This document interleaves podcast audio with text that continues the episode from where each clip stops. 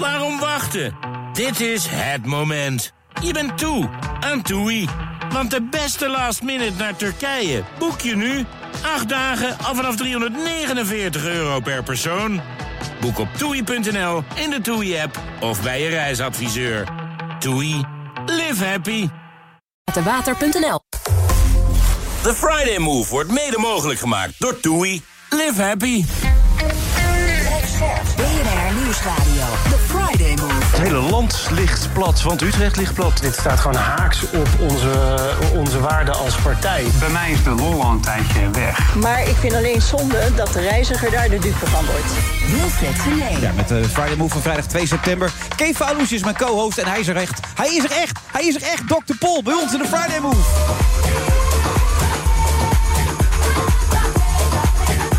Kan hem gewoon aanraken als ik wil. Kan met hem op de foto. Kan een stukje met hem gaan wandelen ook hier als ik wil. Kan hard gaan lopen met hem. Nou, niet zo, niet zo slim meer hoor. Nee? Hardlopen gaat niet zo goed meer. Nee? Nou, ik heb dus een nieuwe enkel gekregen een paar Oh, jaar geleden. hier. Ja, maar dat goed, goed. Maken we er 5 kilometer van. Kan ook. Ja, zoiets. Ja. Het is eigenlijk 10 kilometer hier, maar voor de 5 kilometer moet het ook worden. Dr. Pol even over uit Amerika. Gaat natuurlijk uiteindelijk ook weer terug. Keva Alouche, jij had ook zullen lopen, maar... Ik zou ook lopen. Ik wou dat ik een nieuwe enkel had gekregen. Of een nieuwe knie eh, was misschien beter geweest. Want Ja. eh, ik had een blessure. Eh, twee weken geleden begonnen. Dus ik ben een beetje aan het strompelen geweest de afgelopen tijd. Dus ik kon niet meedoen. Nee. Helemaal opgeschept dat ik dat allemaal kon. De Finance Run, want daar zitten we vandaag natuurlijk. daar ging iedereen natuurlijk ook vanuit dat jij mee zou lopen als Ja. grote Ja. attractie hier in Amstelveen bij de Bosbaan. maar goed, eh, je bent hier niet alleen omdat je kan lopen, maar je hebt ook weer eh, de kist. Dat begint maandag weer, geloof ik, toch? ja, weer een hele nieuwe serie van zes. Ja. Wie is de beste interviewer van Nederland? Jij natuurlijk. Nou, als je mij even vergeten, wie is de beste interviewer van Nederland? Eh, geen idee. Eh, Nee? Er, zijn, er zijn nog heel veel verschillende die ook weer allemaal hun eigen stijl hebben. Kijk, jij, jij bent goed in dat, dat, dat een beetje, een beetje, een beetje pesterig eh douwen. Pesterige Douwe. Ja, een beetje pesterig douwen kun je heel goed. Kijken gewoon. Eh, ja, en nou ja, al die andere. Ik bedoel, Ma- Matthijs van Nieuwkerk is heel goed in het bewonderende interview van Ja. mensen die die, die, die bewondert. Daar kan die, die kan die nog mooier maken. Ja, Dr. Paul. Dokter, kijk, Dat is eh, bijzonder dat u hier bent. U bent een van de grootste mensen op het gebied van sowieso dierenarts enzovoort. Ja, Maar dat wou een- ik zo niet zeggen. Ik, zou gewoon ja, je best doen en alles proberen. Dat is het mooiste. Nee, niet downplayen nu gelijk. Wel een beetje groot maken natuurlijk allemaal. Het is toch een begrip? Jij kwam hier binnen en je zei... Was- Dr. Pol is er. Hij is er. Ja. En ik, eh, eh, eh, eh, eh, eh, kijk, ga er van stotteren. Ja, ik merk het aan je. Dat heb je stil. Zo onder de indruk was ik. nou ja, ik, ik zie dokter over, over sporten gesproken. Als je in de sportschool bent, dan zie je de zender. Jij bent eh, veel in de sportschool, En ik ben ja. veel in de sportschool aan het, aan het lopen of op die cross trainen. En dan kijk je naar zo'n scherm en wie zie je daar dan altijd? Mhm. Dr. Paul. Dus ik ken Dr. Paul vooral van zijn gezicht. En niet van zijn stem, maar die hoor je dan niet. Nee. Maar al die avonturen die hij beleeft. En het Ja. feit dat hij met die, met die Noor... eh, de- de- Een Groninger bent u van, eh, van oorsprong, toch? Drenthe. Drenthe. Ja. Ja. maar zo'n zo'n van die, die, die nuchterheid uit Nederland... die daar dan in dat, in dat Amerika, eh, in dat grote Michigan... waar die rond, eh, rondrijdt om die mensen te helpen. De- het ene moment met een, met een parkiet... en het andere moment met een, eh, met een weet ik veel, met een stier. Ja, of grote Belg. Ja, Ja, ja hè? 800 kilo. Een grote Belg, een Belgische blauwe, zo'n Ja, koe. nou, nee, nee Belgische oh, paarden. Oh, zo'n paard, zo'n Ja. trekpaard. We Ja. hebben dus een heleboel Amis in onze praktijk. En die hebben dus grote paarden. Maar ik heb, je ook wel eens, ik heb hem ook wel eens een stier zien castreren, toch? Oh, ja, natuurlijk. Ach, Ach, dat is echt wel indrukwekkend. Ja, dan toch even voor de mensen die Dr. Pol niet kennen. En ik moet eerlijk toegeven, ik kom al heel lang niet meer in de sportschool. Jij weet, vroeger kwam ik daar nog wel eens, maar Ja. ik kende Dr. Pol niet. Echt, dat moet ik eerlijk toegeven. Ik had nog nooit En een niks, aflevering gezien. Nee, nee, maar zo, ik bedoel niet onaardig. Dus ik heb al die afleveringen zitten kijken, alle ne- 199. Vandaag heb ik nummer 200 zitten Ach, bekijken. heden. Ja, dat was echt dat was een feest om naar te kijken. Ja. Maar eh, op National Geographic, en Ja. iedereen kijkt ernaar, overal all over world. het dus, ja. Ja. En op het ogenblik is het dus eh, met Disney Plus aan het streamen. En Ja. eh, ik heb de laatste gehoord dat het eh, nou in 160 landen uitgezonden wordt. En die zit hier gewoon bij de Friday Move. Ja, hè, natuurlijk. Groot in 160 Aan de landen. tafel. Ja. ja. waarom niet? Gewoon doen. Maar wat merk je daarvan als je ergens komt in de wereld dan? Hoe gaat dat dan? De Staan mensen... mensen- klaar met handtekeningboekjes, eh, Nou, soms rijen, wel, maar, eh, ja, het hangt er dus vanaf. Als we hier gewoon rondlopen, zoals in Amsterdam... ja? dan, oh, dat mensen, hé, hey, Dr. Paul. Ja. En de jongere mensen, die komen dan achter ons aan... en even een foto maken. Nou, goed hoor, niet, geen, geen probleem. Ja. Maar ja, als we dus in andere landen komen, is het hetzelfde. Precies hetzelfde. Maar wat is het geheim van Dr. Pol dan? Wat is het geheim? Gewoon doen. maar dat is zo Nederlands om dat te zeggen. Ja, is. Zeker in Amerika. Ik ben, ik ben een nuchtere Drent. Ja. En ja, gewoon de, op je, de beste manier dieren helpen. En ja, dat zien de mensen dus. En omdat wat ze zien is echt. En dat vinden ze dus. De, de jongste fan die bij de kliniek kwam, was 17 maanden oud. En pas een paar jaar geleden kwam een dame, 100 jaar, geschoven over de drempel. Moest mij dus ook nog ontmoeten voordat ze wegging. Nou ja. En, en dat is dus gewoon, ja, kan ik helemaal niet begrijpen. Want ik doe gewoon mijn werk. En dat is dus wat Charles heeft gezegd toen hij begon tien jaar geleden. Dad, gewoon je werk doen. Charles is uw zoon, hè? Ja, Charles is uw zoon. ja, hij is de producent van de, van de show. Gewoon je werk doen. En dat is dus het belangrijkste. Dat vinden de mensen mooi. Maar toen hij met het idee bij u kwam, wat was uw eerste reactie? Toen u Wat zei... zag toe, wat weet je toch?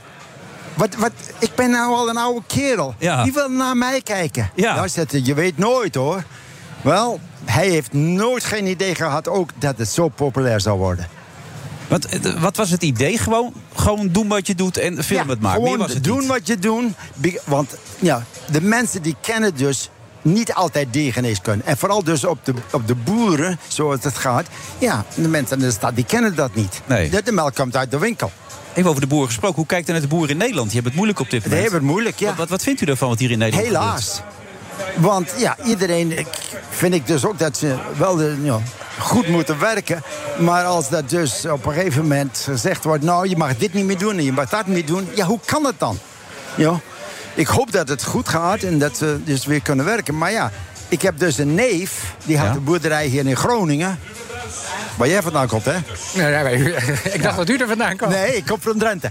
En eh, die is dus een anderhalf jaar geleden... een halve, ja, naar, naar Australië verhuisd. Die zag het ook niet meer zitten. Die zag het niet meer zitten. Nee. En daar hebben we nou al 500 koeien. Hoe, hoe, hoe verklaar jij het succes, eh, Keva, van zo'n programma? Nou, eh, eh, enerzijds is Dr. Pol ehm, een echte betrokken dierenarts. Hij houdt van dieren, hij houdt ook van mensen. Dat merk je aan alles, zonder dat hij klef wordt. Dus hij, hij houdt een beetje dat beetje nukkige, beetje dat nuchtere. Een beetje een, nukkige man waarvan je wel merkt dat hij heel erg, dat hij heel erg betrokken is. En dat hij heel erg van dieren houdt. En ik denk Ja. dat die combinatie... want daarmee wordt het natuurlijk ook een beetje een character... waar mensen van gaan houden. Dat je daar zo- zo'n beetje eh, ruwe bolste blanke pit, dat Ja, gevoel. Een beetje Johan Derks eigenlijk. Dat is wat je, dat is wat je eigenlijk zegt. Kent u Johan Derks of niet? Nee. Johan Derks is mijn... Ja, hoe moet ik het eigenlijk zeggen? Ja, ja, ja. Sidekick, eh, Ja. waar ik mee, samen op tv elke avond zit. Oké. Die komt ook uit Drenthe. En die eh, beledigt de hele wereld. Is ook een beetje nukkig. En is razend populair. Nou, ik beledig de wereld niet. Nee? Maar, nee. Maar in ieder geval, wat ik dus probeer te doen, zoals jij al zegt... ik hou van dieren. En ik hou dus ook van geneeskunde, want voor mij is het dus net elke dag... en elke hond die binnenkomt, elk paard of wat komt... om een diagnose te stellen. Het is net als de rechercheur. Je moet dus alle vragen doen en alles onderzoeken. En dan kom je op een gegeven moment tot een diagnose.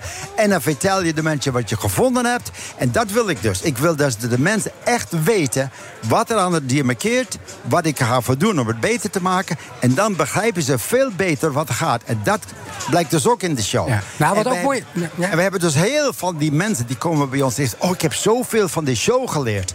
Dat vind ik fantastisch. Maar gaan ze het dan zelf ook thuis doen wat ze Ja, geleerd hebben? natuurlijk. Maar mag dat? Dan moeten Nou, toch... Sommige dingen wel. Ja, maar Ja, toch niet alles, dus, ik. Wij zaten dus in Orlando in februari, de Pet Expo. En dan komt de kerel naar me toe en die zegt... ja, zegt hij, ik heb eh, ook een varkenbedrijf. Ja. En eh, elk biggetje dat heeft het eh, rectum eruit halen... dat dus de, de, de, hangt eruit buiten, aanbijen. Ja, die ging ik afmaken, want het was te duur om de dierenarts te kopen. Dus die heb jij eraf gehaald? Ja, nou, en nou heb ik gezien hoe jij dat doet met een klein buisje en een rubberbandje. En nou red ik alles. Nou, dat vind ik het mooiste. U redt varkens in dit geval. Ja. Ja, Ja. dat is een fijne gedachte. Ja. ja.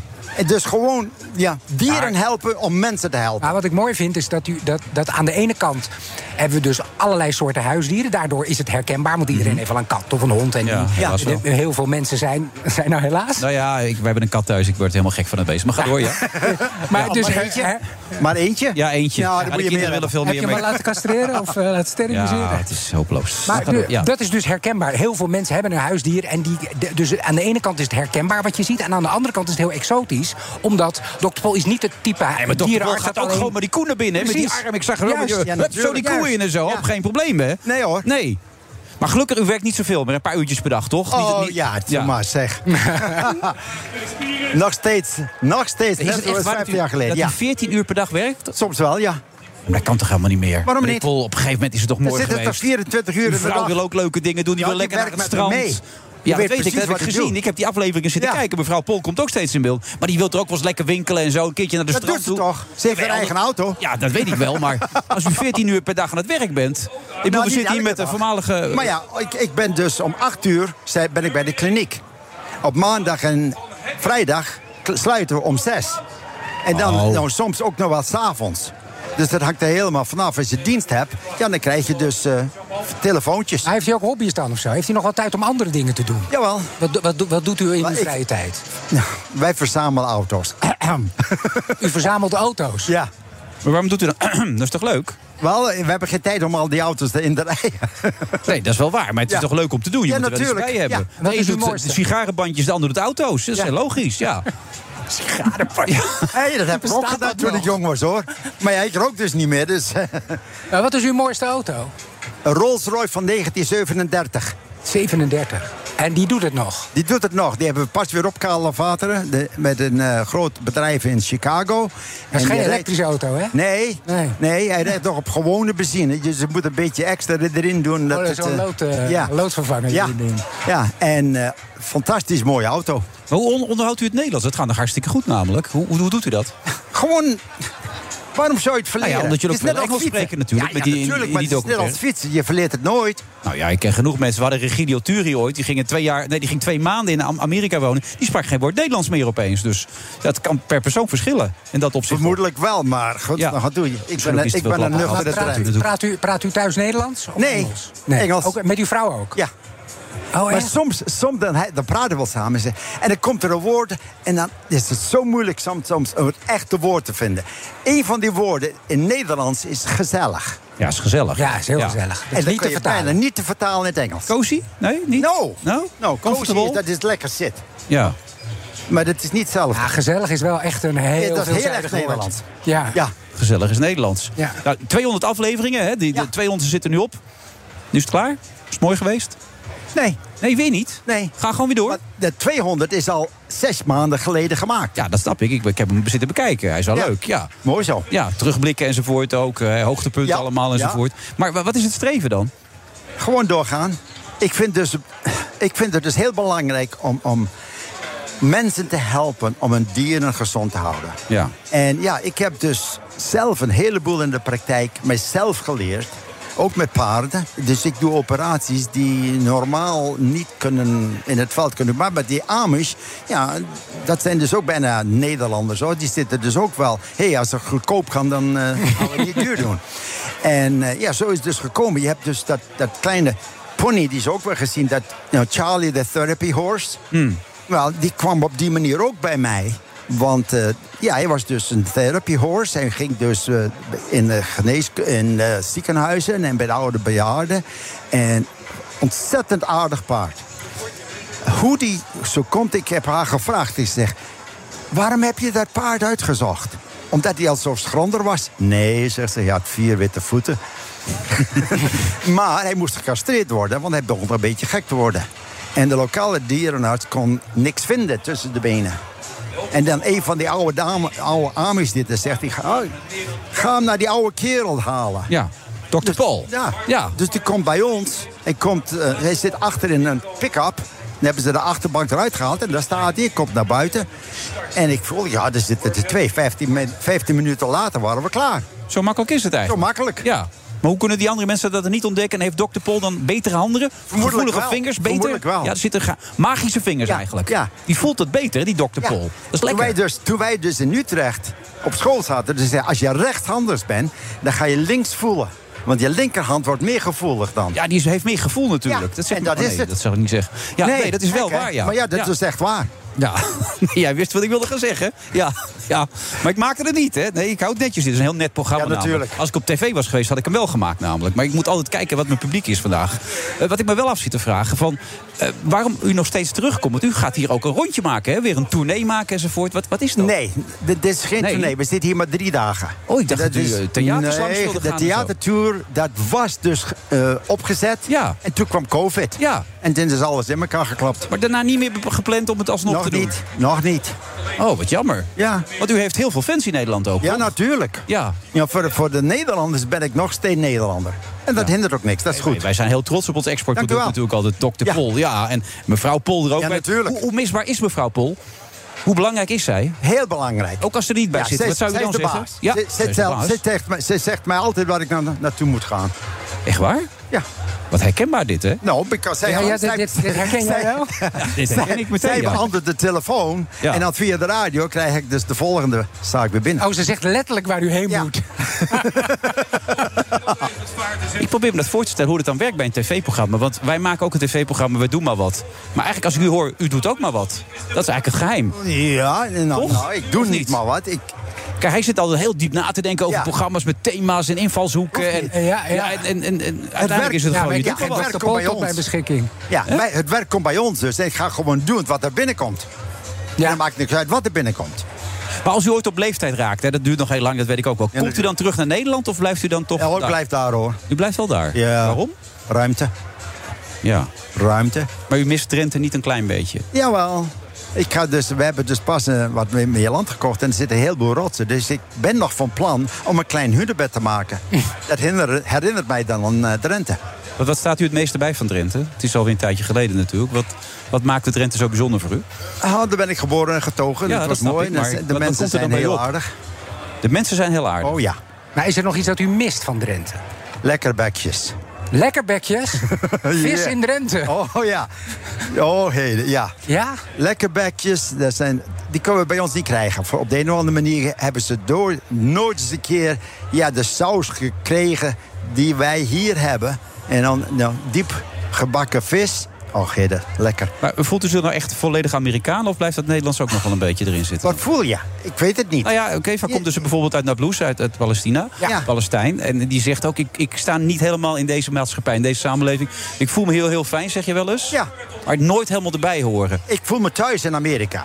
Ja, Dat, is, maakt een- niks dat is nu een thuisland. Maar ja, heimwee heb ik nooit gehad. Ken ik niet.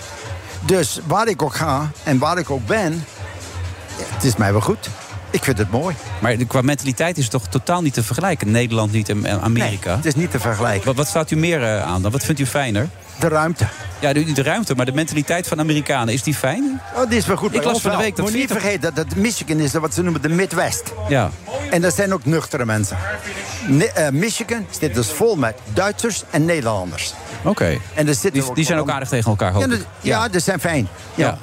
Ze, wonen wel in verschillende schri- streken. Maar ja, dat zijn allemaal nuchtere mensen. En dat gaat goed. Dat, daar kan ik heel goed mee om. Is dat, dat ook, Johan Derks ging laatst een heel verhaal volgens mij over Michigan... dat je ook geen riem om heeft hoeft te hebben. Dat het allemaal niet zo streng is daar. Of is het... eh, Oh ja, ja, ja, je moet dus wel een veiligheidsgordel om oké, hebben in de auto. En, oh, be- belastingen, is het anders daar, begreep ik ook? Of dan heeft hij een beetje Je, zitten zwetsen je betaalt altijd te veel belasting. Ja, dat Maakt niks uit wat. Nou, in Nederland veel meer hoor, denk ik. ja, dat geloof ik ook. Ja. Ja.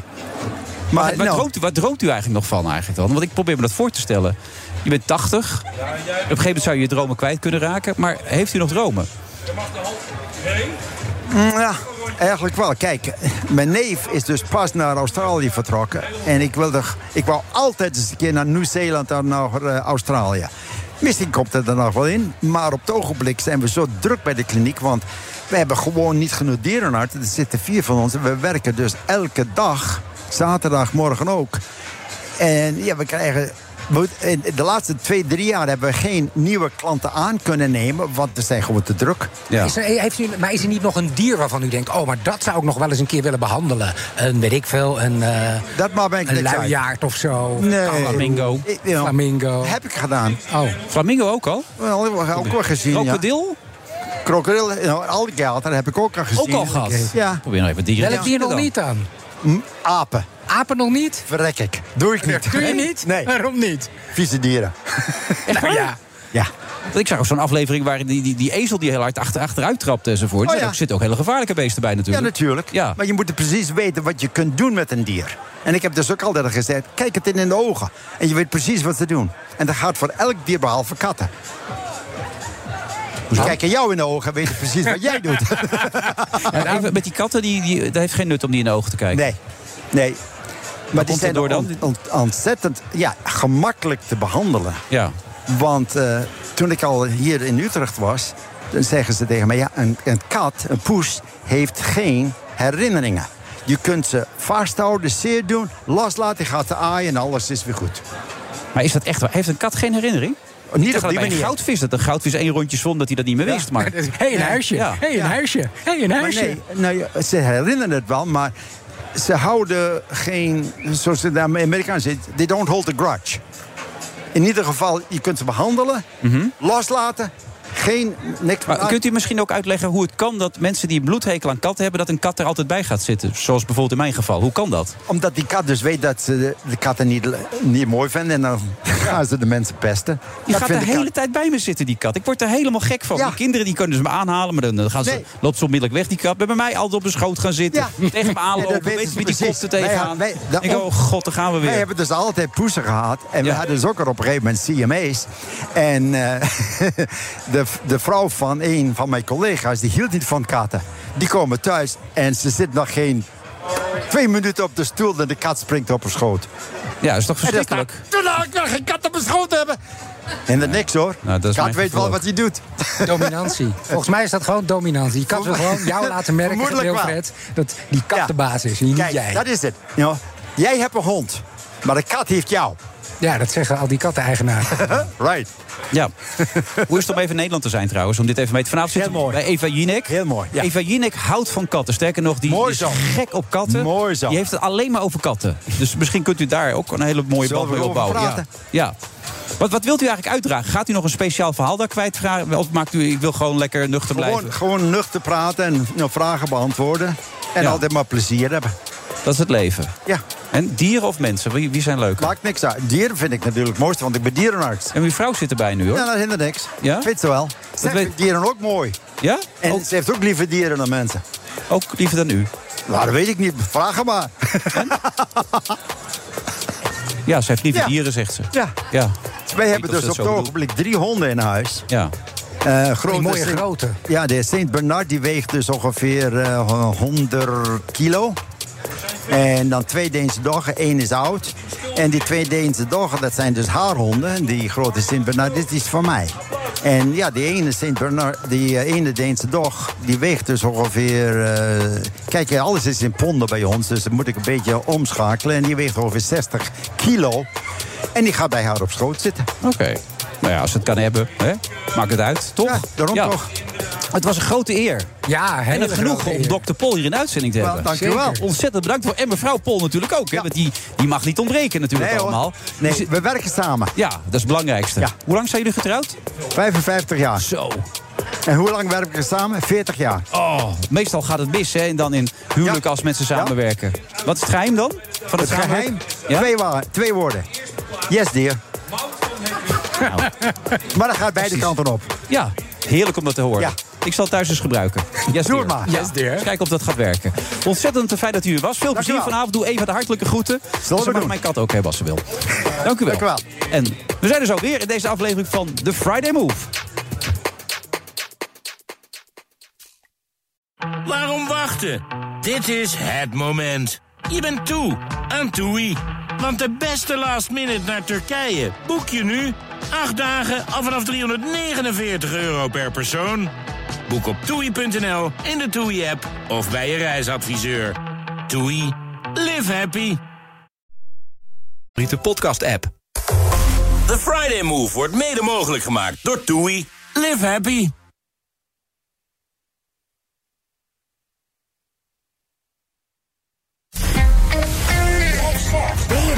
Nieuwsradio. The Friday Move. Hoe staat het nou met, eh, met de gesprekken?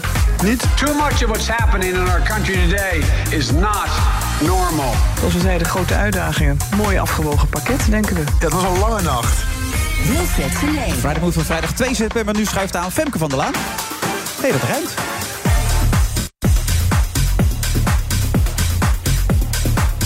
En hij zit er nog steeds. Keva Alouche, waar onze grote held, althans nee, met name jouw grote held. Ik moest een beetje leren kennen. Ja. Ja. Ja, je had echt nog nooit iets gezien? Nee. Ik vond het ook niet mijn sterkste interview aller tijden, als ik heel eerlijk ben. Eh, nee? Nee, dat, ik weet niet wat het was, maar ik was... Je hebt toch de finesses nodig, eh, wat meer kennis nodig om dan... eh, Ja, ik weet niet wat het was bij mezelf. Wat vond jij ervan, Femke? Nou, deze wordt beter. Deze moet ongetwijfeld beter worden, ja. Dat kan haast niet anders. Wie vind jij trouwens de slechtste interviewer van Nederland? Geen idee, die, die ken ik dan vast niet. ken je dat niet, zie ik nee. nooit. Nee. Ik ben wel heel erg benieuwd naar, naar Femke. Als interviewer. Ja, ik heb dus ook weer niet kunnen luisteren gisteravond. Stom van mij. Is te laat voor je, lag je te slapen. Ja, ik ging naar bed toe. Alhoewel, ik was net thuis. Maar hey, voor de duidelijkheid, Femke van der Laan, eh, hartelijk welkom. Nooit meer slapen. Gisteravond je debuut gemaakt. Ja. Hoe ging het? Ehm, ik vond het leuk. Ik denk dat dat... eh, eh, en, en dat had ik niet verwacht. Ik dacht dat... dat oh, wacht even. Wacht, je gaat dus een nieuw programma presenteren op de radio. Dat is voor veel mensen toch een soort droom die uitkomt. En voor jou volgens mij ook. En je had niet verwacht dat je het leuk zou vinden? Eh, nee, want ik had verwacht dat ik het eng zou vinden. Je vond het ook eng van tevoren. Heb je aangegeven? Ja, natuurlijk. Ja. Ehm, en maar dat... het leven draait het om angst en liefde. In dit geval was het angst. En hoe Ja, viel het, dat? nou, het, werd, het werd gewoon liefde. Ik, vond het, ik had het heel erg naar mijn zin. Het was leuk om te doen. En waar kwam dat door? Nou, ook door mijn gast, Arthur Japin. Was Ja, je zeer gelijk met een hoogtepunt natuurlijk. Hè? Dat en ehm, ook veel te vertellen. Ehm, dus dat was fijn. Maar zo'n studio bevalt me ook wel. Zo'n Ja. koptelefoon en zo'n microfoon. Ja, het is appeltje eitje. Iedereen kan het eigenlijk. Nooit meer slapen. Eh, voor mensen die het programma niet kennen, je hebt er ook gezeten. Je hebt er zelf natuurlijk ook gezeten. Kun je even kort omschrijven waar het programma om draait, Keva? Eh, eh, eh, er wordt een uur lang eh, gesproken met iemand uit de wereld van kunst, cultuur en media. Als ik mij niet vergis, eh som ik dat zo goed op. Ehm, eh, groot gemaakt door Pieter van der Wielen, die, eh, die weg is. En eh, in, die, in zijn voetsporen mag eh, Femke nu Treden. schoenen, zeg maar gerust. Enorm groot. Die gevuld moeten worden. Ja. Ja, en dat is eh, s s'avonds, hè, na, na 12, tussen Ja, 12 en s'nachts 1. zelfs, S'nachts, ja. ja. Ehm, rustig, kalm. En dan kun je een goed gesprek voeren. Eh, dat, dat, dat, dat gevoel van het is donker buiten, we zitten samen, het is intiem. Donker geluid. Ja. Zo hebben we een goed gesprek met elkaar over dingen die ertoe doen en zo. Waarom is Pieter ermee gestopt eigenlijk dan? Eh, weet ik niet zo goed. Misschien om... Wacht even, dat weet je niet. Nee, dat heb ik hem... Ze vragen jou en dan zegt ze, maar waarom stopt die andere ermee? Is toch je eerste vraag, zo'n beetje? Of Misschien zijn het allemaal hele nare mensen die er werken. Trok hij dat niet meer? Nou, ik denk als je het acht jaar volgehouden hebt... dan vind je het geen nare mensen. En misschien... Het is natuurlijk best wel pittig. elke nacht In elke je? nacht. Eén Eh, uurtje. Ja, maar We het hebben het over. het is wel... eh, een uur vraagt ook een heel goede voorbereiding. Eh, ja, oké, nou ja. Jij zou het met gemak kunnen, dat zie ik al. Ik denk dat het best wel pittig is. En misschien eh, was hij na acht jaar ook gewoon toe aan iets anders. Oh ja, dat, zou kunnen. dat gevoel heb ik eigenlijk nooit. Nee? Ik kan oneindig dingen blijven doen, merk ik nu. Ik doe dit al 14 jaar. en ik doe dat tv-programma ook al 100 jaar volgens mij. Nee, maar als het leuk is, is het leuk. Daar gaat het natuurlijk uiteindelijk om. Toch? Ja. Waarom wilde jij het doen, Femke? Ehm, omdat het het mooiste programma, sorry Wilfred, van de Nederlandse radio is. Het is, eh, het is een programma waar je inderdaad een uur de tijd hebt. Het is midden in de nacht. Het is enorm intiem. En eh, je praat met mensen die iets, iets gemaakt hebben of gedaan hebben. En, en eh, daar bevlogen over kunnen vertellen. Het, het, ik hoef geen nieuws te maken of te scoren of iemand klem te zetten. Het moet gewoon iets moois worden. En dat is echt de beste opdracht. Ben je ook niet van, hè? Klem zetten van mensen niet. Ik, nee. Nee, vind je ook niet fijn. Nee, Nee, laat maar het ook me- liever gebeuren, toch? Ja, ik ben ook wel van de van laat het gebe- mensen liever verleiden iets te vertellen dan ze dwingen iets te vertellen. Zoals Jack van Gelder had zegt, ik doe ze in een heel warm bad... en dan komen ze langzaam los. Ja, ja, ik weet niet of ik van de, e- echt van, de warme, van het warme bad ben. Maar Hmm. als er wat te, te fileren valt, dan zijn mensen vaak zelf wel prima in staat om zichzelf eh, in, de, in de kreukels te rijden. En als dat nodig is, dan ben ik niet te beroerd om mensen daar naartoe te brengen. Maar eh, ik, ben, ik ben nooit van de frontale aanval. Nee. En als ik door omstandigheden. eh, ik moest laatst Remkes eh, interviewen op de radio, op Radio 1. En ehm, dat ging eigenlijk over iets anders. Hij had toegezegd een lang interview te doen op Radio 1 over een klus die hij in Groningen ging doen. Ehm, waar hij voorzitter werd van, eh, van die club die daar allemaal geld gaat investeren. Ja. Maar dat was allemaal midden in die, in die, in die, in die, in die boerenellende... waarin hij eh, eh, ook ineens bemiddelaar was. En toen zei hij, daar wil ik het niet over hebben. En de redactie die zegt, ja, nee, nee, maar we gaan even aan de kop toch nog wel wat dingen vragen. En dat doe ik dan op een manier zoals er, ik dat dan met de redactie heb afgesproken. En niet op een manier die ik zelf zou doen. Namelijk niet van de confrontatie. Dus Nee. ik heb wel geprobeerd te confronteren. Dat liep helemaal, helemaal in de soep. Echt een prut interview. Echt waar? Ja, dat heb ik gewoon niet goed gedaan. Omdat ik... Maar ik- zo ervaren als jij bent, dan laat je je toch niet sturen of leiden door wat de redactie dan op dat moment wil. Dan is het Nee. wat je zelf wil. Nee, maar ik, dat is een programma waar ik invaller ben. Dus dan heb Ja. je sowieso de neiging om te zeggen... oh, oké, hoe, hoe, hoe doen we de dingen? En dan ben ik Ja, maar jij bent Kees bereidwillig. Ja. Je hebt prijzen gewonnen, de Solja Barrett Award. Je, bent een, een, je hebt een icoon, je, bent, je, je hebt een eigen Een stijl. icoon, ja. je hebt een eigen stijl. Dan moet je die toch gewoon toepassen? Ja, nee, daar heb je helemaal gelijk in. Maar ik heb dat dus. Ik merk ook dat op het moment dat ik dat niet doe. en dus eh, zo confronterend. eh, een soort Wilfred Gené probeer te zijn. dan lukt dat ook niet. Dus moet ik ook niet meer doen. Nee, want ik las in mijn eh, draaiboekje wat ik gisteren binnenkreeg, dat, er- dat ik niet over jou en, en, en, en Eberhard van der Laan mocht beginnen. Toen dacht ik, wat is dat nou eens voor iets raars? Ik bedoel, dat is toch onlosmakelijk met je verbonden? Eh, dat is het zeker. Ja. En er is, er is ook absoluut geen verbod op. Wat ik wel merk is dat het, ehm, nou ja, dat het verhaal blijft. En ik wil ook. En daar gewoon- wil je van af eigenlijk, dat nee, ik wil er absoluut niet vanaf. Ik wil nooit van die man af. Nee. Ehm, maar ik wil het ook over nooit meer slapen hebben. Ja, maar dan ben je bang dat dat steeds erbij wordt gehaald... en dat je dan wordt gezien als de vrouw van Eberhard van der Laan... Nee, ik ben niet bang om krijgt. gezien te worden als de vrouw van Eberhard van der Laan. En al helemaal niet die een kans krijgt. Hmm. Dat, dat is niet waar het in zit. Eh, En omdat je vooral op schrift dingen deed. Weet je, je was niet echt in de radiowereld natuurlijk actief, toch? Nee, klopt. Ja. Eh, maar ik wil gewoon niet dat zo'n mooi programma ondersneeuwt... omdat ik getrouwd ben geweest met Eberhard van der Laan. Nee. Het, het programma verdient meer dan dat. Wat maakte Pieter van der Wielen goed? Eh, zijn rust. En zijn... Ja, ik, vind hem, ik vond hem. eh, ik ben natuurlijk ook door hem geïnterviewd. Ik, ik vond eh, de zachtheid van hem werkte voor mij heel goed. Je kan je er niet aan bezeren. Dus dat is heel veilig. Ja, het was heel bij, jou, veilig. bij jou ben je zeg maar iets meer op je quivive als geïnterviewde. Nou, ik, ik heb regelmatig zitten luisteren. En dan dacht ik op een gegeven moment, waarom vraag je nou niet door? Maar hij, hij liet het dan heel vaak. Denk, waarom laat je het nou nu? Nu is er wat, weet je. Nu gebeurt er wat. En had je iets willen weten wat er daardoor niet. eh, Ja, dat had ik nou wel eens. Dan zat ik te luisteren. Denk, ik zou nu, nu zou ik even misschien de duimschroeven een klein beetje. Maar dat maar was het zijn, kan ook heel goed zijn dat er andere dingen tevoorschijn gekomen Dat zou heel zijn, goed kunnen, Omdat ja. die, die duimschroeven niet hanteren. dat zou heel goed kunnen. Wat gaat jouw stijl worden? Ik weet dat nog niet zo goed. Ik weet wel, ik, ben, eh, ik luisterde heel veel naar Nooit meer slapen. Wel als podcast, niet s'nachts. Ja, totdat je hoorde dat je het zelf ging doen. toen ben je gestopt. meteen ermee gestopt. Ja. Want eh, ik, ik ben natuurlijk ook van plan dit acht jaar eh, vol te houden. En ik kan het niet acht jaar als Pieter van der Wielen gaan doen. Ik moet dit gaan doen als Femke van der Laan. Ja. en hoe doe je dat? Dat weet je niet na aflevering 1.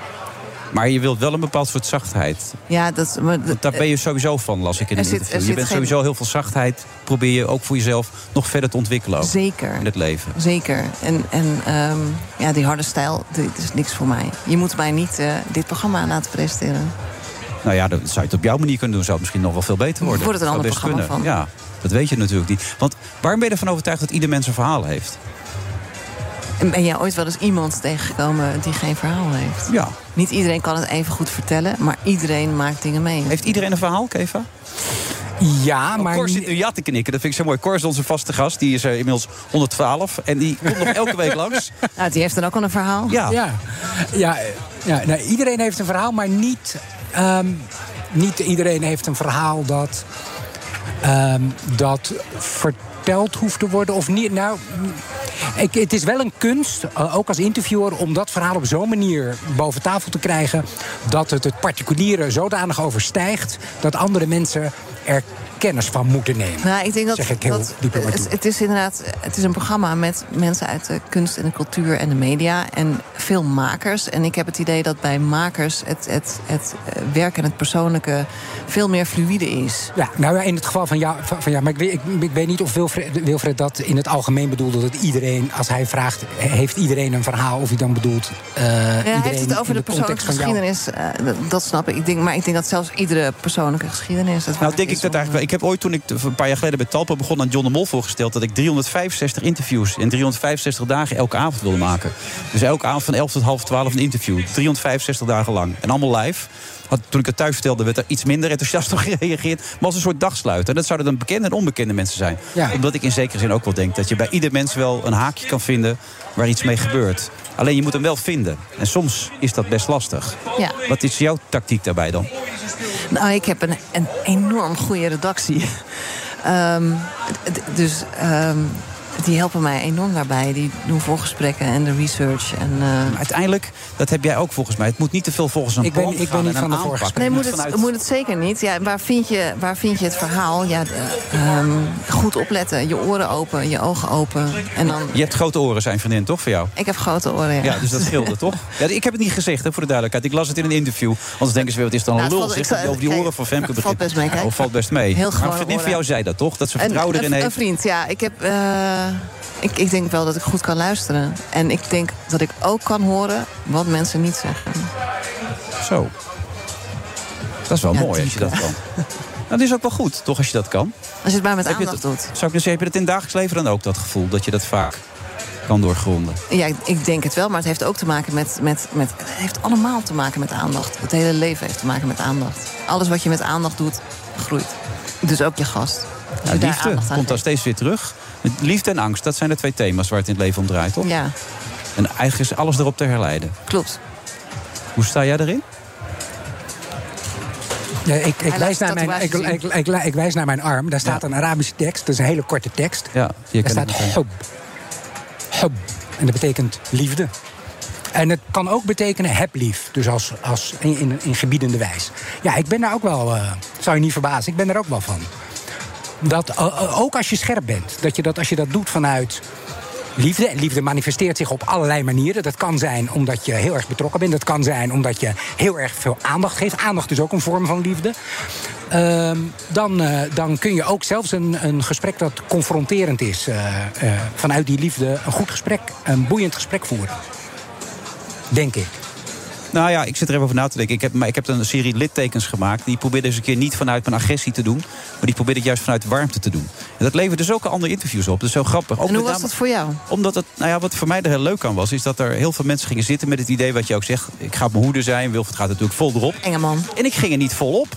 Sterker nog, ik ging er juist helemaal niet volop. Maar omdat die mensen dachten dat ik er volop zou gaan, vertelden ze een heleboel dingen. Onder het motto, ja, hij gaat het toch vragen, laat ik het maar gelijk vertellen aan hem. Dan, eh, dan zijn we er ook Ja, vanaf. denk je dat dat het was? Of, of denk je dat ze de ruimte voelden om zichzelf te zijn bij? Dat zou ook kunnen, dat weet ik niet. Hoe vond jij het om te doen? Ik vond het eigenlijk heel erg leuk. Dat is fijn, hè? Ja, Ja. dat was echt heel fijn om te doen ook. Nou, dat mag ik dan elke, elke nacht eh, gaan doen. Wie zou je nog graag willen?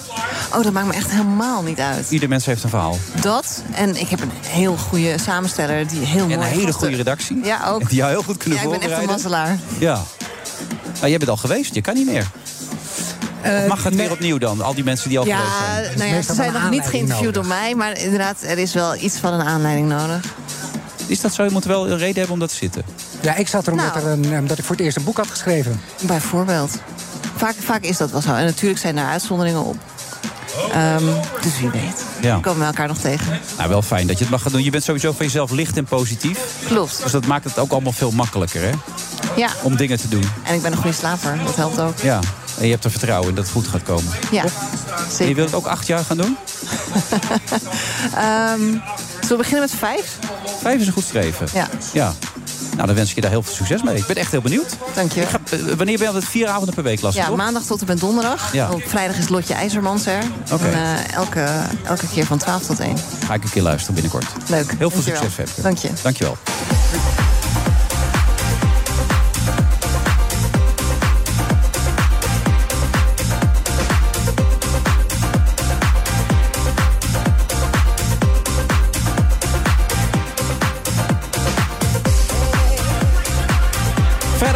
2 september. En we zitten aan de Bosbaan. En eh, volgens mij gaat die loop zo beginnen. Vind je jammer dat je niet mee kan lopen eigenlijk even? Of zeg je Ja, nou, eigenlijk wel. Ja, vind ik wel jammer. Ik doe nooit mee aan. Ik, ik hou wel van hardlopen. Ja? Maar ik, ik doe dat altijd heel vroeg, 's morgens als er niemand is in het bos. Eh, dan, heb je, weet je, dan heb je geen bekijk zo. Dus het zou wel de eerste keer zijn dat ik dat in, eh, in zo'n wedstrijdvorm zou doen. En ben je dan ook heel gedreven? Nee, nee, want ik loop eigenlijk vooral tegen mezelf, niet tegen anderen. Want je gaat heel vaak 's ochtends om half zes al toch... Ja, om half zes sta ik op en dan zo zes uur, kwart over zes... eh, probeer ik dan eh, eh, buiten in het bos En daarna eet je zijn. 16 uur niet meer. Vaak, ja, ja, ja, dat is vaak wel zo, ja. Oh, weet je dat allemaal? Nou ja, ik probeer me een beetje in te lezen. En dan lees ik ook dat je voor 11 uur niet aangesproken mag worden. Omdat je mensen dan op hun bek slaat. Om het een beetje, ja, om het een beetje extreem te stellen. Dan zit hij gelijk. net te zeggen hoe lief ik ben. Ja, en- nee, maar je kan boos worden dan voor 11 uur. Dan ben je een beetje Nou, licht wel, eh, ik- ja, ik, eh, er moet eerst wel wat koffie in. Ja, voor die tijd. Ja, je voor de koffie ben ik wel heel lastig. Oké. Volgens mij gaan ze de mails hier van alles nog wat gebeuren. is ook iemand die Aangeschoven geen inmiddels, koffie eh, Jurgen John Afon. Welkom. Een hele goede middag. Ja, directeur van de Kleine Comedie. Maar ook nog steeds meer. Bloed kruipt waar het niet gaat natuurlijk ook. Eh, ook weer regisseur natuurlijk van een stuk. Een belangrijk stuk. Ehm, ehm, we hadden wapens van Urban Myth. We hadden liefde, we hadden wapens. Die balans is heel belangrijk. Ja, belangrijk. En het begint donderdag 15 september voor het eerst in de Lamar. Eh, waarom is het zo belangrijk? Nou ja, het is een voorstelling over een icoon. Robert Williams. Ken jij Robert Williams? Nee. Nee, Ik ken is- de Dr. Paul ook niet, dus dat zat ik al, weet je wel. Dus twee mensen die ik niet ken. Ten Ja. tijde van Martin Luther King, toen Martin Luther King ervoor streefde om vreedzaam te protesteren, had je ook Robert Williams. En die zei: vreedzaam protest is een, goed idee. Totdat de Ku Klux Klan met wapens brandende kruis in je huis zet. Weet je wat wij moeten doen? De zwarte gemeenschap tegen segregatie, die moet zich bewapenen. Hmm. Dus hij heeft, net zoals de NRA in Amerika, heeft zijn eigen gemeenschap bewapend. En dat was niet de bedoeling. Nee. Dus de FBI die, die stond op zijn achterste poten. Want dat wil je natuurlijk niet. Een gemarginaliseerde groep die opeens zichzelf emancipeert en zichzelf bewapent. Dus met Martin Luther King hadden ze het al lastig, want het protest was vervelend. Ja. Maar toen Robert Williams wapens eh, eh, de, uit de kast haalde, ja, toen werd het echt een dreiging. En het verhaal van Robert Williams, eigenlijk een van de eerste burgerrechtenactivisten, dat wordt in de voorstelling muzikaal verteld. Dus dat is belangrijker dan ooit, hè? heb ik ook gelezen. ja, jij. nou, wat, wat, wat, alle discussies die in de jaren 50 en 60 speelden in Amerika... die zie je dus langzaam hier in Nederland ook weer terugkomen. Wie mag er wat zeggen? Wie wordt serieus genomen? En wie heeft er, zoals in Amerika ze zeggen, een? Wie bepaalt het? Ja. Nou, en dat is wel heel mooi dat die tekst, gebaseerd op een roman van Christine Otte... dus is een bestseller, die... eh, die had behandeld deze thema's in die tijd... maar iedereen in het publiek herkent zich nu ook met dezelfde vragen. Ja, ik, ik las gisteren een column van Ronald Plasterk... die ook zegt dat de elite het in Nederland op dit moment helemaal gaat overnemen... in strijd met de, de burgers, zeg maar. Herken je dit een beetje, dit verhaal ook, of niet? Nou ja, dat is, als, ik, ik moet bij Plasterk altijd wel een beetje lachen. Want ik, ik Ja, ja, als de er, als er iemand zelf- een representant van de elite Ja, is, dan is dat hij het wel. En het ene moment maakt hij deel uit van de macht. Eh, en dan is er één eh, Ronald Plas- Plasterk. En op het moment dat hij niet meer deel uit van de macht, is er ineens een andere. Ik denk, joh, je had die toko beter gerund toen je er zelf zat. Ja. Eh, dus eh, dat. eh, eh, maar wat Maar vraag nou ja, het thema gewoon wat er nu gebeurt in Nederland. Ja, het, gaat, het gaat over een strijd. Wie heeft wat te zeggen en hoe zorg je dat alle groepen zich eh, nou ja, evenveel op tafel kunnen leggen? Ja, en dat, dat, dat, uiteindelijk is het geen prekerige voorstelling, dat wil ik helemaal niet. Dus Caroline Dijkhuizen zit erin, ze is Mhm. bekend van heel veel musicals. Er zit soul in uit de jaren 60, er zit heel veel muziek Maar met in. welk gevoel wil je dat mensen weggaan dan? Wat nou, moet- wat, ik, wat ik wil is dat... we- Eigenlijk, deze is een reprise. Dus we hebben hem al gespeeld. Ja. En het, eh, eh, het, het slotnummer, dat is een nummer van Nina Simone. En dat, dat heet Cinnamon het eindigt met Power. En het is dan een, eh, wordt op het toneel gezongen. En toen we in Enschede speelden, of All Places... kwamen twee vrouwen in de 60 naar ons toe achteraf. En die zongen het naar ons Power, Power. En wat zij zeiden was... We herkennen ons helemaal in het verhaal. En dit waren twee oudere witte vrouwen. Dus ik was redelijk verbaasd. En ze legden uit wat wij als vrouwen hebben moeten doorstaan... en hoe we voor onze eigen rechten hebben moeten opstaan. Dat kwam helemaal overeen met het verhaal van Robert Williams. Hoe je eigenlijk opkomt voor je eigen rechten. En dat zie je bij verschillende groepen in de samenleving. Groepen die niet gehoord worden, die laten zich nu ook horen. En dat moet je serieus nemen. Dus daarom is het nu zo, zo ontzettend actueel. En een fijne voorstelling. Ja. Waar staan we nu op dit moment, vind jij? Nou, ik denk dat we op een moment van transitie staan. Dat deden we natuurlijk al. Maar er is nu op zoveel gebieden veel aan de hand. Er is economisch ontzettend veel aan de hand. De toekomst is ongewis. Onze welvaart komt in gevaar. En we weten niet waar we naartoe gaan. En wat ik het idee heb, ik heb ook het idee dat de regering het niet weet. En Nee. geen beleid kan creëren voor de toekomst die we niet kennen. Ik denk dat we daar staan op dit moment. En dan denk ik dat theater, waarbij die, die verhalen vertelt uit het verleden... waar je aan kan spiegelen, kan helpen om een koers te bepalen, maar in ieder geval troost bieden. En deze voorstelling die biedt zeker troost. Want ik geloof ook, want ik ben een rasoptimist... dat het uiteindelijk goed gaat komen. Maar hoe dan? Hoe zie je dat voor je dan? Dat zijn scenario's die we hier niet kunnen bedenken. Want als jij en ik het hadden kunnen bedenken, hadden we Ja. hier niet gezeten. Maar dan zaten wij in Den Haag. Ja. En dan hadden we het helemaal, hadden we het helemaal uitgedokterd. Maar baseer je dat op je eigen positiviteit of ook signalen die je ziet vanuit de Ik zie het, als je kijkt naar de geschiedenis, het komt uiteindelijk altijd goed. Betekent niet dat er geen slachtoffers vallen. En ik hoop dat wij niet tot een van de slachtoffers gaan behoren. Maar ehm, nou ja, ik, ik, ik, ik denk dat het de zorgelijke toekomst is... waarbij we door die crisis heen moeten ploegen... om vervolgens jezelf opnieuw uit te vinden. En er zijn verschillende crisissen waar we doorheen moeten. Voor vrijwel elke grote vooruitgang in de menselijke geschiedenis. ehm, die is voortgekomen uit een crisis. Met andere woorden, het moet eerst. eh, was het niet eh, Franklin Delano Roosevelt die zei. het wordt eerst nog eh, veel slechter voordat het beter wordt. En dat is. de geschiedenis bewijst helaas dat het vaak zo is. Dat het echt prut moet worden voordat de mens zo in, in zijn in zijn immense inventiviteit met geweldige oplossingen voor problemen komt. Maar dat gebeurt bijna altijd pas als we echt, echt diep in de stront zakken. Hoe ver zitten we nu dan, denken jullie? We Ik hebben denk heel dat veel we crisis nu op dit moment. Nou, ik denk niet dat we het dieptepunt hebben bereikt. Nee, ik denk dat we aan het begin van de afgrond staan. Jee, wat een zwaar gesprek wordt het Nou ja, opeens. maar dat gevoel heb ik namelijk ook eerlijk gezegd. Dus Zoveel mensen in, in deze samen, zoveel verschillende groepen die tegelijkertijd Ja. zo zich zo gemarginaliseerd voelen, Ja. die zo boos zijn, die zo Niet gezien zo worden. ongehoord voelen. En er is tegelijkertijd, dat is altijd gevaarlijk in de geschiedenis, tegelijkertijd zo weinig redelijk leiderschap. Dus Ja. leiderschap waar je je veilig bij voelt, dat geeft altijd ruimte voor onredelijk leiderschap. En het probleem dat mensen vast willen houden wat ze hebben. En dat bedoelt, ik steek ook hand in eigen boezem. Ik wil me ook bij het vertrouwde houden. Maar dan sta je dus die vooruitgang in de weg. Je moet zelf transformeren. Maar waar merk je dat bij jezelf aan, dat je dat wil? Ja, kijk, ik, ik vind ook, ik- mijn, mijn leven zoals ik dat gewend ben met mijn kinderen... nou, dat vind ik fijn, Ja, fijn voortkabbelen. Ja. Maar ik denk wel dat ook als ik de toekomst van mijn kinderen veilig wil stellen... dan moet ik zorgen dat ik ook zelf mijn positie op bepaalde vlakken eh, verander. Dat ik anders naar de maatschappij ga kijken. Anders ga kijken naar ja, hoe we leven. Die gascrisis, de energiecrisis, die dwingt ons daar allemaal nu al toe. Ja, asielcrisis, Asielcrisis hebben we ook. woningen, noem het allemaal maar. Hoe ga je met je gezin straks? Ja. Nou, en, en om het dan weer terug te brengen naar, naar, naar Robert Williams... er zijn een aantal leiders nodig die scenario's bedenken. Dus wat Robert Williams gedaan heeft... wij gaan onszelf bewapenen, dan worden we serieus genomen. Dat was niet een scenario dat van tevoren bedacht was... maar dat uiteindelijk wel gewerkt heeft en de Black Panthers heeft beïnvloed. Ik denk dat we uit moeten kijken naar dat soort leiders...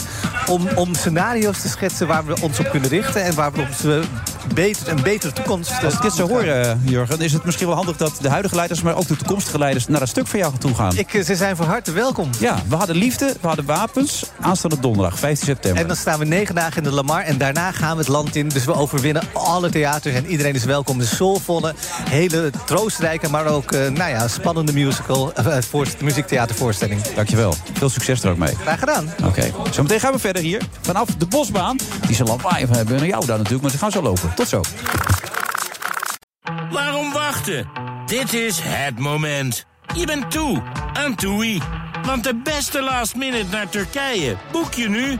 Acht dagen al vanaf 349 euro per persoon. Boek op toei.nl, in de TUI-app of bij je reisadviseur. TUI. Live happy. Beleggen is razend populair. Maar hoe bepaal je wat je favoriete aandelen nou echt waard zijn? Dat gaan wij voor jou uitzoeken in BNR Doorgelicht. Nina en Jim. We vertellen je het verhaal achter het bedrijf. Wat ze vervolgens deden was dus Steve Jobs aan de kant zetten. En we doen een grondige fundamentele analyse. Het lijkt dus een super saai aandeel, maar dat is het helemaal niet. Elke vrijdagavond om 7 uur doorgelicht op BNR. Of zoek hem op in je podcast-app. Doorgelicht wordt mede mogelijk gemaakt door de Giro. Financial Power to you. The Friday Move wordt mede mogelijk gemaakt door TUI. Live happy. BNR Nieuwsradio. The Friday Move. Het hele land ligt plat, want Utrecht ligt plat. Dit staat gewoon haaks op onze, onze waarden als partij. Bij mij is de lol al een tijdje weg. Maar ik vind alleen zonde dat de reiziger daar de dupe van wordt. Wilfred Genee. Friday Move, vrijdag 2 september. We zitten aan de bosbaan en naast me zit Eva Alouche.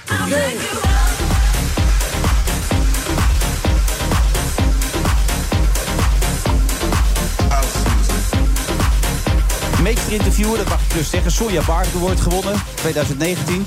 Interview in de kist met Peter Oem. Je hebt, zei erover, 99% is de vriendste van Peter Oem, heb je toen ook gezegd, toch? Ja. Maar is dat valse bescheidenheid of meen je dat dan ook? Nee, nou ja, je, jij weet als geen ander hoe afhankelijk je bent van degene die je interviewt. Eh, dus eh, ja, 99 procent, ja, dat, ik, ik, weet niet, ik niet hoe het zit in percentages. Maar een gesprek heb je niet in je eentje. Dus ja, je bent wel afhankelijk van wie je tegenover je hebt zitten. Zeker bij zo'n programma als De Kist, waar het over eh, ja, hele precaire, gevoelige, persoonlijke dingen gaat. Waar niet iedereen makkelijk over praat. Jij wil, jij wil niet in het programma. Ehm, omdat Ja, het heel erg persoonlijk is. Nou, wat ik gewoon lastig vind aan. Ik, ik zou er best over willen praten. Maar wat ik een beetje lastig aan deze tijd vind. is dat alle dingen die je nu vertelt. worden op een andere manier uitgelegd. een andere manier vertaald. en er worden andere verhalen van gemaakt. En ik merk steeds meer dat het. Het loont. Het heeft helemaal geen zin meer om interviews te geven. Als ik heel eerlijk ben. Heb je dat gevoel? Dus, ja, ik weet niet hoe jij dat ervaart. Nou, ik maak zelf wel het onderscheid dat ik over bepaalde dingen in bepaalde contexten wel wil praten, maar niet, niet over alle dingen in alle contexten. Dus Nee. ja, ik snap wel wat je bedoelt. Ehm, Kijk, jij zit ook in een beetje een ander genre dan waar ik zit. Kijk, dit programma is nog tamelijk serieus. Maar dat andere wat ik doe is natuurlijk surrealistisch aan het worden. Die neiging begint er steeds meer te krijgen. En dat is natuurlijk heel erg opportunistisch. eh, heel erg eh, op, op de emoties, de onderbuik. En dat levert ook heel veel emoties en onderbuikgevoelens op van mensen. Dus op het moment dat je dan een eh, ingetogen, oprecht interview geeft in een andere situatie... wordt het vaak uit zijn verband getrokken... en wordt het op een hele andere manier weer vertaald. En dat vind ik er gewoon heel lastig aan. maar ben je dan bang dat het tegen je gebruikt gaat worden? Nou ja, in, zo, in zekere zin niet tegen me gebruikt gaat worden... maar op een andere manier gebruikt gaat worden. Dat dan wordt gezegd dat ik het op een andere manier bedoeld heb. Weet je, dus je, op een gegeven moment krijg je het gevoel dat, dat zwijgen misschien wel het beste is dan. Ja, maar dat, ik bedoel, als jij dat vindt, als iedereen dat zou vinden, zou ook niemand meer bij jou het programma komen. Nou ja, en dan omgekeerd ook. Ik bedoel, eh, dan krijg ik ze inderdaad, inderdaad helemaal... Ja, niet omgekeerd, dus zo heb je gelijk erin. Dan wordt het heel lastig, ja. Maar ja, er zijn genoeg mensen waarschijnlijk die dat nog niet zo voelen. Er zijn ook heel veel mensen die het heel fijn vinden om over zichzelf te praten. Ja, dat is altijd, vind ik ook altijd heel bijzonder. Ja, nou ja, en er wordt ook. Er wordt ook ehm, wij, wij leven niet in een wereld waarin we heel erg naar elkaar luisteren. Hmm. Dus eh, ik, ik we gaan wel eens het land in en weet je, dan ben je aan het filmen. En dan hoor je achteraf van. Maar dat die mensen dat allemaal aan je vertellen. En dat verbaast mij niet meer. Want wij leven niet in een wereld waarin mensen ehm, heel veel aandacht voor elkaar hebben. Dus als er dan ineens een interviewer tegenover je zit, die je aankijkt en die je eh, aandacht geeft en die iets van je wil weten, dan neem je op de koop toe dat er ook een camera bij zit, omdat je gewoon niet gewend bent om, om eh, een luisterend oor te krijgen. Ja. Nou, dus dat, dat is ook wat er aan de hand is. Dus ja, ehm, er, er zijn heel veel mensen die uit ijdelheid eh, wel wat willen vertellen, maar er zijn ook gewoon heel veel mensen die, die hun verhaal kwijt willen. Wat ik wel mooi je vond net over dat Johan Remkes interview... dat je van jezelf dan wel durft te stellen, dat was niet goed. Dat was gewoon heel slecht. Ja. Te vaak in ons vak vind ik ook dat mensen dat van zichzelf helemaal niet meer weer durven toe te geven. En zo, hoe kan dat, denk jij? Nou ja, dat is, als je naar voren stapt en je gaat op dat podium staan... en, en dat, dat, doe, dat doe je als presentator... Ja. dan daar zit een heel team achter. En dan, dan ja, daar- iedereen is zo op... Het gaat zo, je ego wordt zo gevuld dat ik denk dat dat, dat dat lastig wordt. Ik heb het voordeel dat ik vrij laat, vrij oud was toen ik eh, op dat podium ging staan. En daarvoor een heel leven achter die schermen heb gehad. Ja, maar je, vanaf je 17 je hebt gewoon de haven opgegeven. Je bent aan het werk gegaan als Ja. producer en al op allerlei manieren. Eh, maar je had wel die drive, dat gevoel dat je dat wilde om gezien te Ja, worden. nou, nou ik had even, ik, ik, ik, ja dat, vond, ik- dat, dat leek mij geweldig. En ik merkte al vrij snel dat je daar, eh, ehm, dat je daar zelf niet over ging. En dat, dat allerlei andere mensen jou leuk moeten vinden.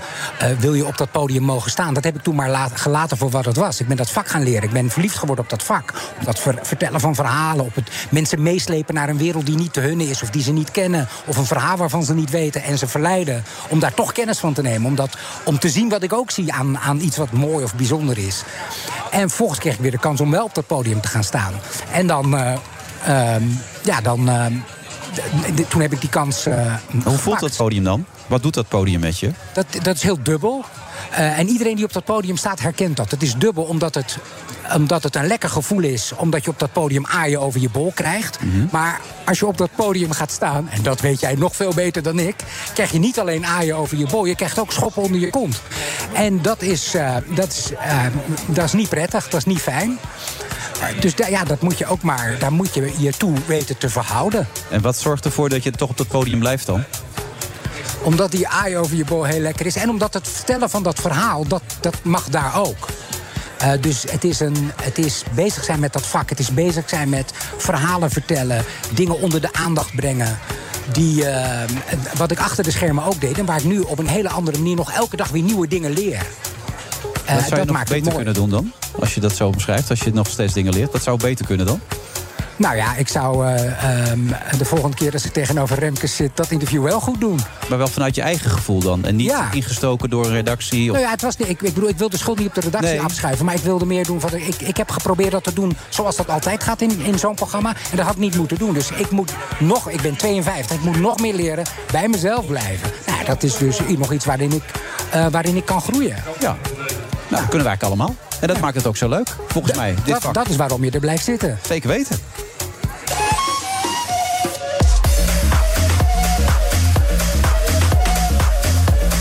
Friday Move vrijdag eh, 2 september. We zitten zo gezegd bij de Finance Run. Ze zijn inmiddels onderweg. Startschot is eh, gelost. De omstandigheden zijn prachtig trouwens om even lekker te lopen. Beetje warm misschien. gaat dat programma er trouwens nog komen? Dat Breaking Bread, dat je ooit nog wil maken? Of? Ja, dat hoop ik. Daar blijf ik altijd maar over zeuren. Ja. Ja, dat, is, dat lijkt mij... Ik, ik maak veel eh, van, die, eh, van die reisseries... waarin ik eh, naar Afrika of naar het Midden-Oosten ga. En het lijkt mij geweldig om, om gemeenschappen die we niet kennen... te leren kennen aan de hand van, van broodbreken met elkaar. Hè? Hmm. En met elkaar eten. Dus iets over een, eh, over een, eh, over een speciaal gerecht. Wat een, eh, kijk, in elk dorp, ook in Nederland... heb je wel een koekje wat bij dat dorp hoort.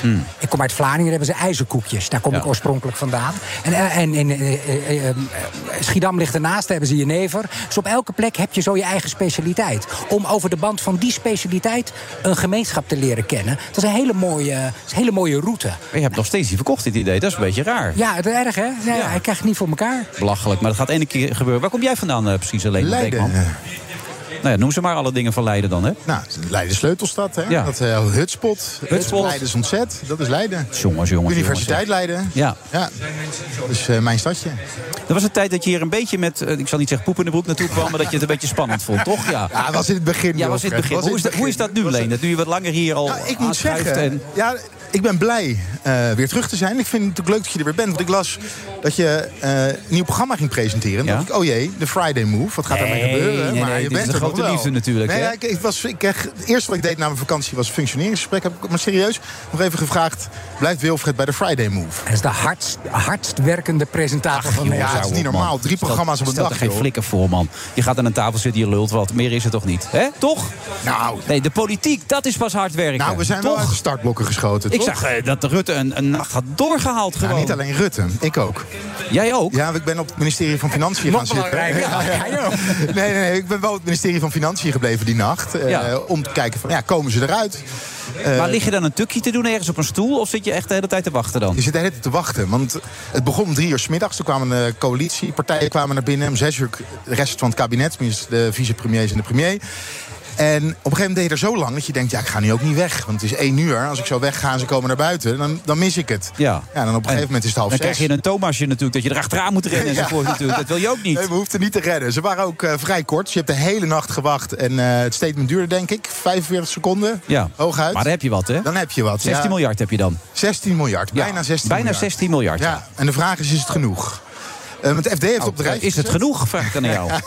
het FD heeft op een rijtje gezet. eh, als je voor de laagste inkomens kan het tussen de 3 en 4.000 euro eh, is het ongeveer per jaar. En Ja. je zou toch kunnen, nou, kan je toch kunnen stellen dat die energierekening daar wel mee betaald zou kunnen worden. Als Mhm. dit allemaal klopt. Maar het is Prinsjesdag afwachten voor alle details. Oké, en de vraag is natuurlijk, waarom kan er niet nu al wat gebeuren? Maar ik begrijp dat de Belastingdienst daar zelfs niet eens... Ja, dat, het is- eh, die is er niet op gebouwd, die kunnen dat dus niet Jawel, op zo'n joh, die, dat is een hele efficiënte organisatie. Ja, die kunnen die BTW op, die, op het fruit en groente enzovoort ook al nog... Het is toch niet te geloven, in een land, wat voor een land leven wij zeg? Wat is dit? Nou ja, ik heb, het is echt wel heel bijzonder inderdaad dat het niet geregeld kan worden. Eh, maar ja, het kabinet hamert er eigenlijk eh, al sinds het voorjaar op. Ja, het lukt ons niet. En het is toen via het gemeentefonds is nog 500 euro bijgekomen. Eh, dat was het. En voor de rest van het jaar komt er ook niets bij. Oppositie staat natuurlijk op de achterste benen. Eh, mensen zitten nu in de problemen. Maar toch moet ik zeggen, dit pakket dat er nu ligt... Ja, het is een fors, fors pakket. Ja, leg even uit wie het allemaal gaan betalen. Eh, nou, een deel wordt uit de extra gasbaten betaald. En eh, de vermogenden, die, gaan, eh, die gaan ervoor betalen. Ja. Op zich Dat is een manier waarop prima, toch? Ja, er is dit, ik had alle tijd die nacht om... ja, je Ja, moet wat gaan niks te doen, ja. ja. Dus ik ben dat rapport nog eens een keertje in gaan kijken... over de vermogensongelijkheid. Ja, en dan... daar zijn ze wel vrij duidelijk in. Hè? Dat de vermogensongelijkheid is in Nederland heel groot. En die dreigt alleen maar groter te En worden. die dreigt alleen maar groter te worden. Maar dan toch, er worden een paar suggesties gedaan om dat aan te pakken. En die suggesties, daar wordt dan niets mee gedaan. Er wordt wel, natuurlijk wordt er naar vermogen gekeken. En de belastingen gaan omhoog. Maar er wordt bijvoorbeeld ook gezegd, kijk nou eens naar het eigen huis. Het eigen huis is, het vermogensverschil wordt het grootst op het moment dat- dat mensen een huis kopen. Dus de huurders, mensen die een huis hebben, dat verschil is heel groot. Kijk daar eens naar. Maar dan worden er suggesties gedaan. Afschaffen van de hypotheekrente. eh, aftrek. Daar durven ze natuurlijk niet aan. Bij verkoop van het huis. Eh, het belasten van de overwaarde. Daar durven ze toch niet aan. Iets anders, erfbelasting, is in Nederland ook ja, een heilig huisje. Daar kom je niet aan. En dat zijn wel punten eh, waar een hoop geld uit te halen valt. Eh, de boor, eh, de, dat als je je bedrijf overgeeft aan je kinderen, dat zwaarder belasten. Want het wordt vaak gebruikt om toch eh, geld naar kinderen te sluizen zonder dat je daar erfbelasting over betaalt, durft het kabinet ook niet aan. Dus wat dat betreft, aan die vermogenskant, de maatregelen die genomen worden, zijn nog wat minimaal. Maar veel klachten vanuit het bedrijfsleven. Even, hoe ervaar jij dat zelf? Je, je vader werkte zijn hele leven in een margarinefabriek. Je moest elke eh, dubbeltje, Elk elke stuiver omdraaien. Eh, je had een ambitie, je had een droom. En op je dertigste had je het voor elkaar. Mooi vrijstand huis. Hè? En alles was er zoals het moest zijn. Hoe kijk je nu naar de huidige tijd? Hoe ervaar jij dit? Ehm, nou, dat, dat, dat ik blij ben ehm, dat ik eh, eh, niet in de positie zit eh, waarin mijn ouders zaten. Want dan zou, ik, dan zou ik hem nu ontzettend knijpen. En ik denk ook dat gewoon heel veel mensen in Nederland hem ontzettend knijpen. Ehm, dus ik, het, is wat, ehm, het is wat dubbel. Dus dat je aan de ene kant inderdaad denkt van... Poeh, stel je nou voor ik, ik, eh, dat, dat ik dat ook allemaal... eh, dat ik daar ook allemaal mee zou zitten. Maar kun je de woede voorstellen? De, Ja. de, de, de onmacht bij veel mensen. Die ze ook zeggen van het is niet eerlijk allemaal. Ja, en eh, kijk, wa- wat natuurlijk gevaarlijk is, is, is dat in Nederland de middenklasse nu de, de pijn voelt. En dat is, nou ja, dat is wel waar je, ook gewoon als je heel macro naar een samenleving kijkt, eh, eh, die middenklasse, dat is de ruggengraat waar je, waar je het van moet hebben. Dat is, het, dat is de kurk waarop een land drijft. Als die pijn gaat voelen, als die, eh, als die de eindjes niet meer aan elkaar kan knopen, dan, dan, dan komen we echt in zwaar weer terecht. Dus daar maak ik me wel heel erg zorgen over. Er zat nog een interessant sta- eh, statistiekje. Er was een enquête gedaan bij dit rapport over vermogen. En dan wordt er gevraagd van... vindt u het eigenlijk eerlijk dat vermogen bijvoorbeeld via een erfenis komt... of omdat iemand profvoetballer was, dat werd als voorbeeld genomen... of iemand heeft als ondernemer hard gewerkt. En in principe eh, vinden veel mensen, bijvoorbeeld als je het over een erfenis hebt... 91% vindt dat oké... eh, of is daar neutraal over? Maar 9% zegt dit, dat hoort eigenlijk niet te kunnen. Maar dan is er verderop een statistiekje en dan wordt gevraagd... Eh, iemand met een hoog vermogen, dat, hij, dat, dat diegene betere zorg krijgt, beter onderwijs tot zijn beschikking heeft. Vindt u dat eerlijk? En dat is dus niet het geval. En er is wel een hele grote discrepantie. Er is volgens mij niet zozeer afgunst naar vermogenden, maar wel dat de kansengelijkheid zo. Ja, dat snap ik ook wel. Want ik denk ook zelf, ik, ik, heb, ik heb heel hard gewerkt. Ik ben vanaf mijn zeventiende, hè, ik heb geen studie gedaan. Ik ben heel hard aan het werk geweest. En dat zijn echt Verdriet voor je ouders, hè, voor de duidelijkheid. Dus dat Precies. best lastig, lijkt me. Ja. Ja, veer- geen 40-urige werkweken gehad. En ehm, ehm, ik heb wat geprobeerd van mijn leven te maken. Ook met het idee dat ik mijn kinderen iets mee kan geven. Dus ik hoop dat ik overwaarde heb op een, op een huis waar geen, eh, waar geen belasting over gaat. Zodat ik mijn kinderen een betere, eh, een betere zwieper mee kan geven in het leven dan ik zelf heb gehad. Ja. Dus op het moment dat er gezegd wordt, eh, ja, maar daar gaat er ook nog belasting overheen, dan denk ik ook, oh ja, dat voelt ook niet eerlijk. Want ik heb Dat je er leven zo hard voor gewerkt hebt en waar je vandaan komt. Dat gevoel bedoel je ook. Nou ja, en dat geldt natuurlijk niet alleen voor mij. Heel veel mensen die vermogen hebben, hebben dat niet uit de lucht. Nee. Eh, die hebben daar heel hard voor gewerkt. Die hebben er ook belasting over betaald. Eh, dus ik kan me ook voorstellen dat, je, dat, dat, dat, dat het niet eerlijk voelt als je, dat, eh, als je daarvoor gepakt voelt tussen Er wordt wel een onderscheid gemaakt tussen eh, echt vermogen, gewoon financieel, hè, de, de harde munten, en eh, sociaal eh, eh, kapitaal. En jouw kinderen, doordat je vermogender bent, eh, hebben veel meer sociaal kapitaal meegekregen. Hè, doordat ze die, nou, wat ik net al zei, waarschijnlijk ma- makkelijker eh, een betere scholing kunnen krijgen. Dat is gewoon bekend. Hè? Dat als je ouders rijker zijn, doe je het waarschijnlijk beter op school. Ben je gezonder eh, als je ouders rijker zijn. En dat hebben ze al meegekregen, juist omdat je zo vermogend bent. Eh, dus daar wordt wel een onderscheid in gemaakt. eh. Maar we, stonden net, we zaten hier net te praten, ook met, met Jurgen, het John Afon. En we staan pas aan het begin, hè, is de conclusie. Althans, die onderschreef ik. Onrust in de samenleving. Ja, als het gaat om crisis. Dus verschillende soorten die we in Nederland hebben. Het- volgens mij kan het tot op dit moment niet veel beter worden. Eh, Dus hij had het ook over de leiders van de toekomst. Die met oplossingen moeten komen die we dus nu nog niet weten. Zijn dit de leiders die dat kunnen, denk jij? Die we op dit moment hebben? Of zal daar een nieuwe generatie leiders voor moeten Er komen? zal een nieuwe generatie leiders voor moeten komen. En ik vroeg Mark Rutte vorige week bij de persconferentie... heeft u het nog onder controle? Dat was in het kader van eh, migratie, eh, de, asielcrisis. En dat vindt hij zelf wel. En ik vroeg hem ook, maar er zijn zoveel crisis die we Ja. nu hebben. Eh, het lijkt allemaal eerst tot een kookpunt te moeten komen... voordat er gehandeld wordt door het kabinet. En nou goed, we kennen allemaal Rutte. Hij slalomt daar makkelijk omheen, maar hij is daar niet mee eens. De huizencrisis is niet ontstaan door het kabinet, door zijn kabinetten. De asielcrisis zagen we niet aankomen. Iedereen zag het aankomen volgens mij. Eh, de stikstofcrisis, nou, noem het maar op. Eh, en misschien dat toch Ja, tijd nee, van de week had ik ook het verhaal van Rob Jetten... die dan duurder gas in gaat kopen. Omdat hij denkt dat Rusland, nog, ja. dat, dat Rusland nog steeds geld verdient... aan het Europese consortium... wat ooit van, van Gazprom was. Dus wij wij zijn het enige land in Europa die duurder gas inkopen. En, en Amerika, maar ook alle landen in Europa, Zwitserland, Duitsland, noem ze allemaal. Die halen dat gas gewoon via dat ex-Gazprom-consortium. Ja, en wij- en wij Dat is er toch nog een tweetje, hij wijde er nog een tweetje aan en daar houdt hij vol. Hè? Eh, we weten dat Russen alsnog in Gazprom eh, aandelen hebben. Dus we, kunnen het, we kunnen het nou eenmaal... En de rest van de wereld doet het wel. Ja. Dus wij zijn het enige land die, Ja. zoals Ja. altijd, het beste van de klas. Jongens, Ja. ja. Nou ja, wat ik, wat ik tijdens die hele COVID-crisis merkte... was dat we niet een land zijn dat kennelijk leiders produceert... dat met een, met een crisis om kan gaan. Die dan opstaan en die dan een land kunnen sturen. Die, die dingen voor elkaar kunnen krijgen. Dat, wij zijn een supergoeie bureaucratie. Maar kijk dan de moeten de dingen Wat, goed wat, gaan. zijn, wat zijn leiders die jou dan aanspreken op dit moment? Wie doen Ja, het goed dan? Ja, dat, is best ingewikkeld dat is, dat namelijk. is- het- is ook ingewikkeld. Nou ja, misschien is het niet alleen een pro- probleem van Nederland. En misschien Nou is ja, het wel... noem, eens, noem jij eens leiders in de wereld waarvan jij denkt... Nou, in de wereld, ik wil Christiane van der Wal eigenlijk wel noemen. Eh, Matthijs Bouwman had een mooie column vorige week in het FD. En erin zei hij... We vragen bij verkiezingen, maar nu eigenlijk ook... altijd om, om, om eh, mensen met visie Ja. en echte leiders.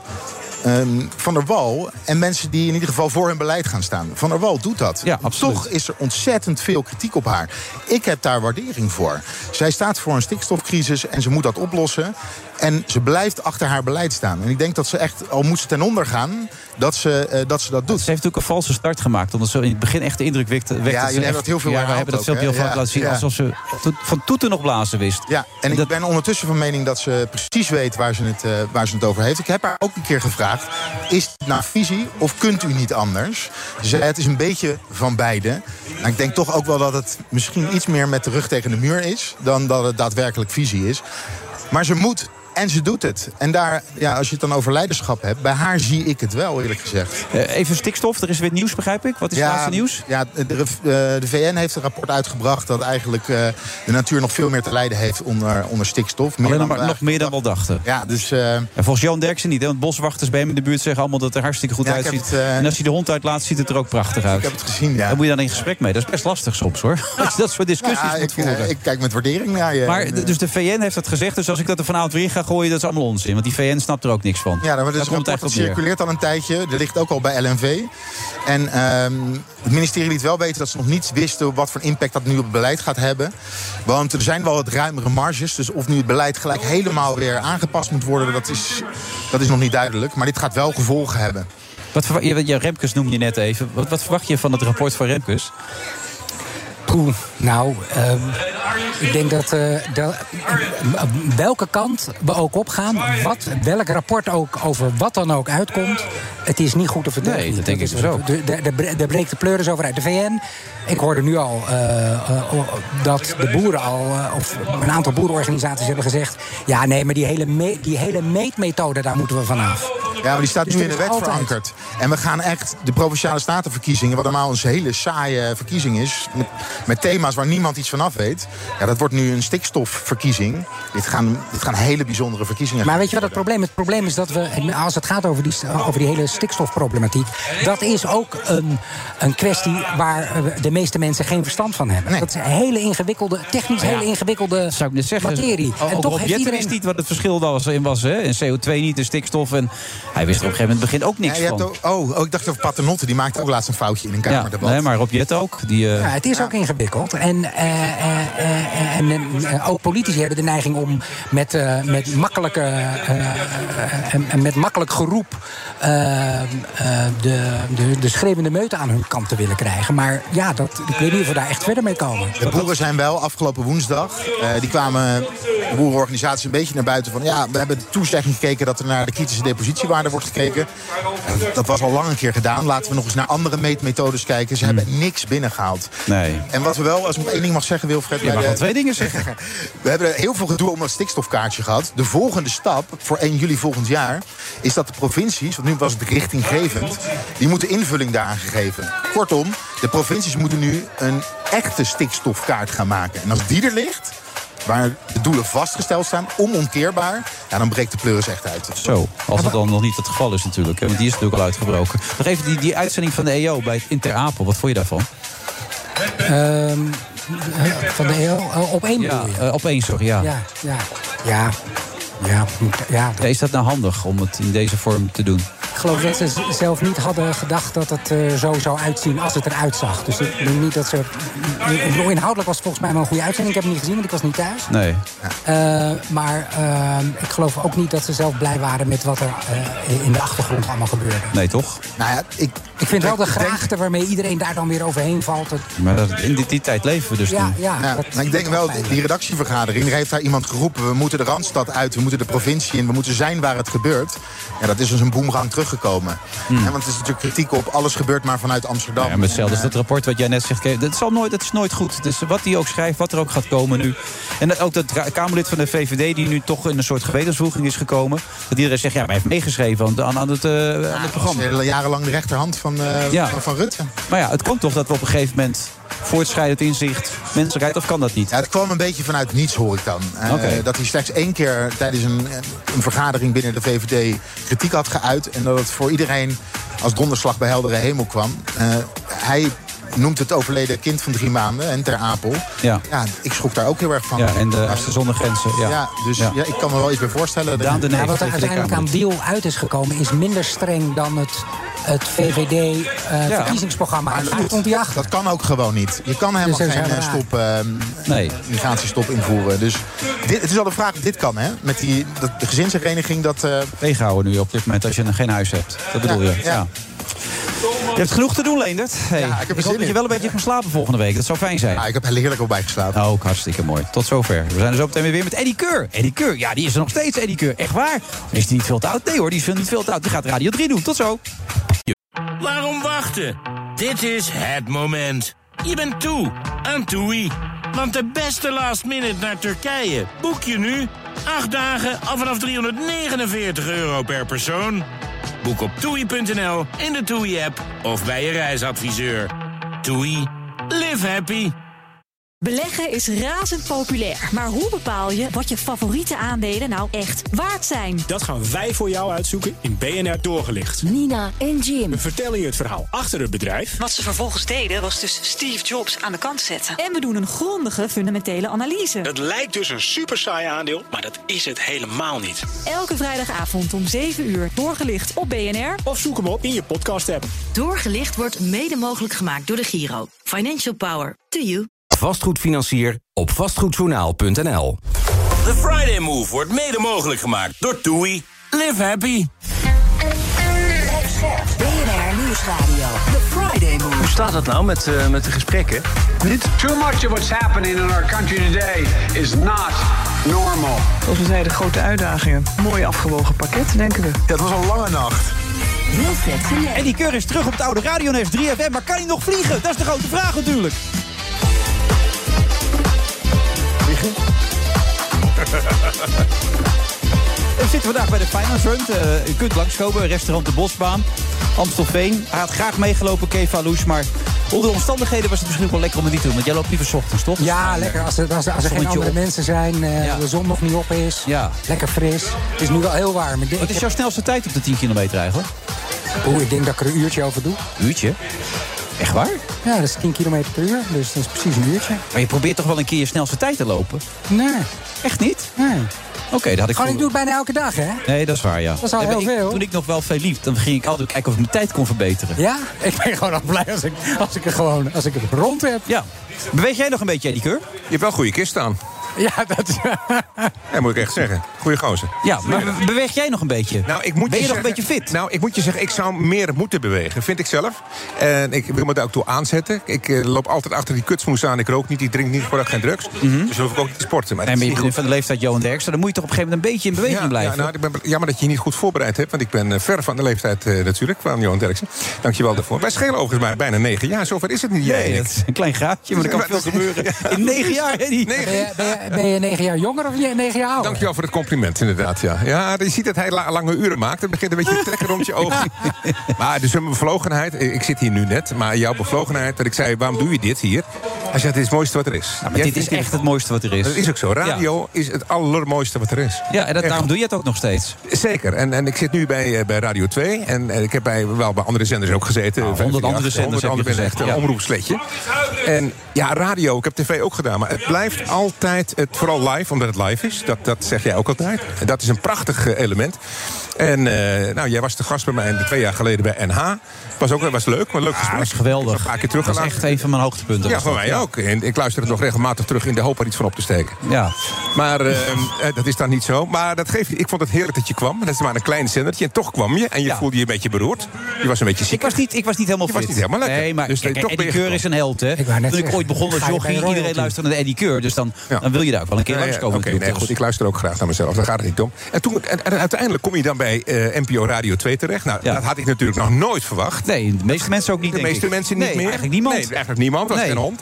En dan word je dus gebeld. En dan eh, vanwege de, de vreselijke ziekte van Ruud. Of je dat even een maandje wil doen. En daar moest ik dan over nadenken. En dan uiteindelijk werd het... Moest je over nadenken. Je hebt 20 Nee, seconden na, 10, nee. eh, Oh, 2 ja? seconden nagedacht. Moet nou niet eens op elkaar goed kennen, want zo is Nee, het helemaal niet. die- die komen op zich. Nou, nee, Als je zo'n kans nee, krijgt. niet waar. Ik werd gebeld om Je, vijf lag- voor je zat in de spelonken van het radiolandschap en je wordt opeens gebeld voor Radio 2, man. Dat is toch ik fantastisch? vertellen hoe het was? Oké. Ja, het, vijf voor twaalf zat ik bij NH. Vijf minuten voor de uitzending. Peter de Vries die belt mij, de baas van Radio 2 en 5. Die zegt, Ruud is ziek, ik wil dat jij hem vervangt maandag beginnen. Ik zeg, geen sprake van.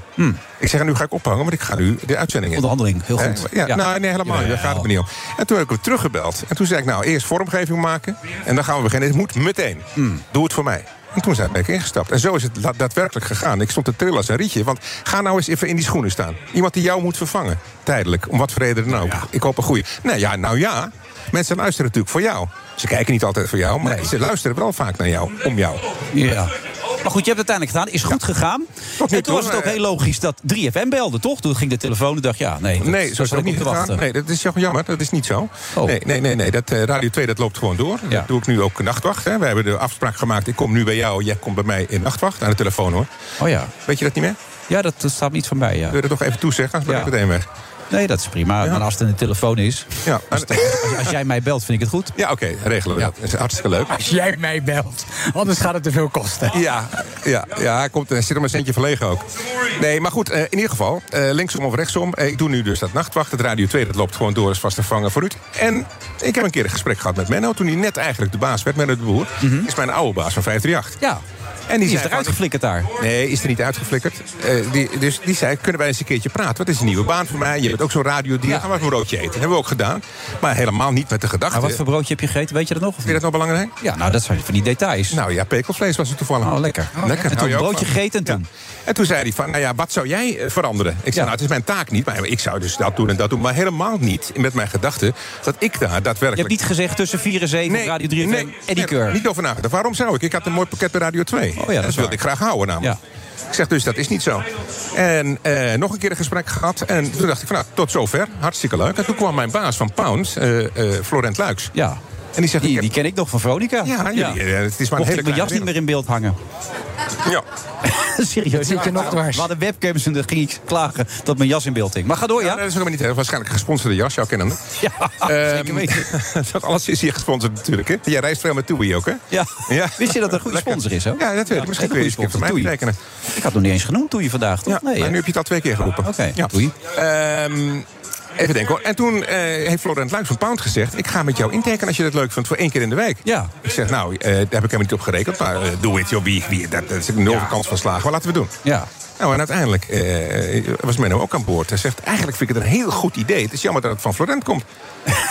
ja, Maar verder vind ik het een goed idee. een geweldig idee. Ja, Maar ik heb, Florent staat hier, hè? Ja, zeker. Die is aan zijn vijfde bier bezig, dus die vindt alles grappig. Ja. Wat wou je zeggen? Ja, maar je, je, je zit dan op dat, de zender van Nederland, Zeker. Radio 2. Dat is Zeker. hartstikke populair. Grootste van Nederland. Dan, moet je naar, dan ga je naar, naar 3FM. Dat is toch een beetje een zender die de afgelopen tijd... een beetje de zieke, Ja. oude, zieke oude hond van ik Hilversum is, zeggen, toch? ik, ik heb heel lang niet meer geluisterd naar 3FM. Net als heel Nou, veel dat mensen. zou ik net Ja. zeggen, met, met jouw velen. enige. bij velen. Dus Ja. eh, als we erbij kunnen krijgen wat ooit uitgestapt is, zitten we goed. Maar kijk, dat heeft, eh, dat heeft René ook. Ik heb een heel hard, eh, warm hart kloppend voor radio. En als ik ook maar iets kan doen... en dan bij zo'n grote nationale zender... en binnen de NPO, hè, pas op, hè... dan maakt mij de grootte van de zender helemaal niet zo vreselijk veel uit. Want we kunnen dan helpen bouwen, één keer per week... om er iets moois van te maken. Maar wat is, wat, is, wat is een deel van het medicijn dat die zender nodig heeft... dat jij gaat brengen? Wat, wat, wat gaat die zender heb jij weer... mij wel eens gehoord eh, tussen 4 en 6 in de vervanging van, van Ruud? De Ja? gekkigheid, de, het lachen, de, de up, de vrolijkheid, de gekke items en dat soort dingen. Dat gaan wij nu in die, eh, in drie uur doen, van 4 tot 7. We beginnen de 16e september. 12 september eh, dit jaar begint de nieuwe programmering. Dat wordt een beetje gefaseerd ingevoerd. Omdat heel veel DJ's van 538 die nu naar ons toe komen... zitten natuurlijk nog aan een contract vast. Maar dat, dat gaat allemaal goed komen. Daardoor voel ik me nog beter. Ja, dat zijn echt radiomakers. De mensen die er zaten waren top. Alleen, ja, zeg maar, de limonade die 3FM heet... krijgt een ander smaakje. En dan wil je er ook andere soort ijsblokjes in hebben. Maar welk, welke smaak krijgt het dan? Nou ja, dat is nu een proces waar we natuurlijk naartoe groeien. Ik denk dat het wat meer up wordt, wat meer vrolijk, wat meer ehm, in your face, wat meer voor jou. Ik zeg dus niet, ik ga nu deze plaat voor jou draaien... maar wat kan ik voor jou draaien om jou gelukkig te maken? Maar dat willen ze toch allemaal? Ja, ik? maar ze, ben ik ze nou, heb ik eh, geen boodschap aan. Ik maak nu een programma tussen 4 en 7. Wij proberen de mensen met een lach het weekend in te sturen. Iedereen, niemand heeft zo'n leuke baan als jij, hè? Het is gewoon zo. Mensen die, is waar, die, die ja. gewoon, de 80% van de mensen die moeten gewoon van 9 tot 6 beulen. Ja. Voor een scheidssalaris. En nu met die verhoging van alle energieexcijns. Die willen als ze in de auto zitten, als ze een auto hebben. willen gewoon tussen 4 en 7 wel even op een vrolijke manier naar huis gebracht worden. En dat ga ik proberen. In de hoop dat zoveel mensen aansluiten bij de nieuwe eh, 3FM. dat die cijfers daarmee omhoog gaan. En ik heb een primeurtje van jou. Nou, vertel. Als je het leuk vindt. Ik heb een jinglepakket laten maken. Nee, echt waar? Dat doe je ook gewoon, een jingle erbij? Ja, natuurlijk. Ah, wat leuk. Wil je me even horen? Nou ja, als dat kan, heel Ja, graag. zeker. Dit is... 3FM is jouw Friday.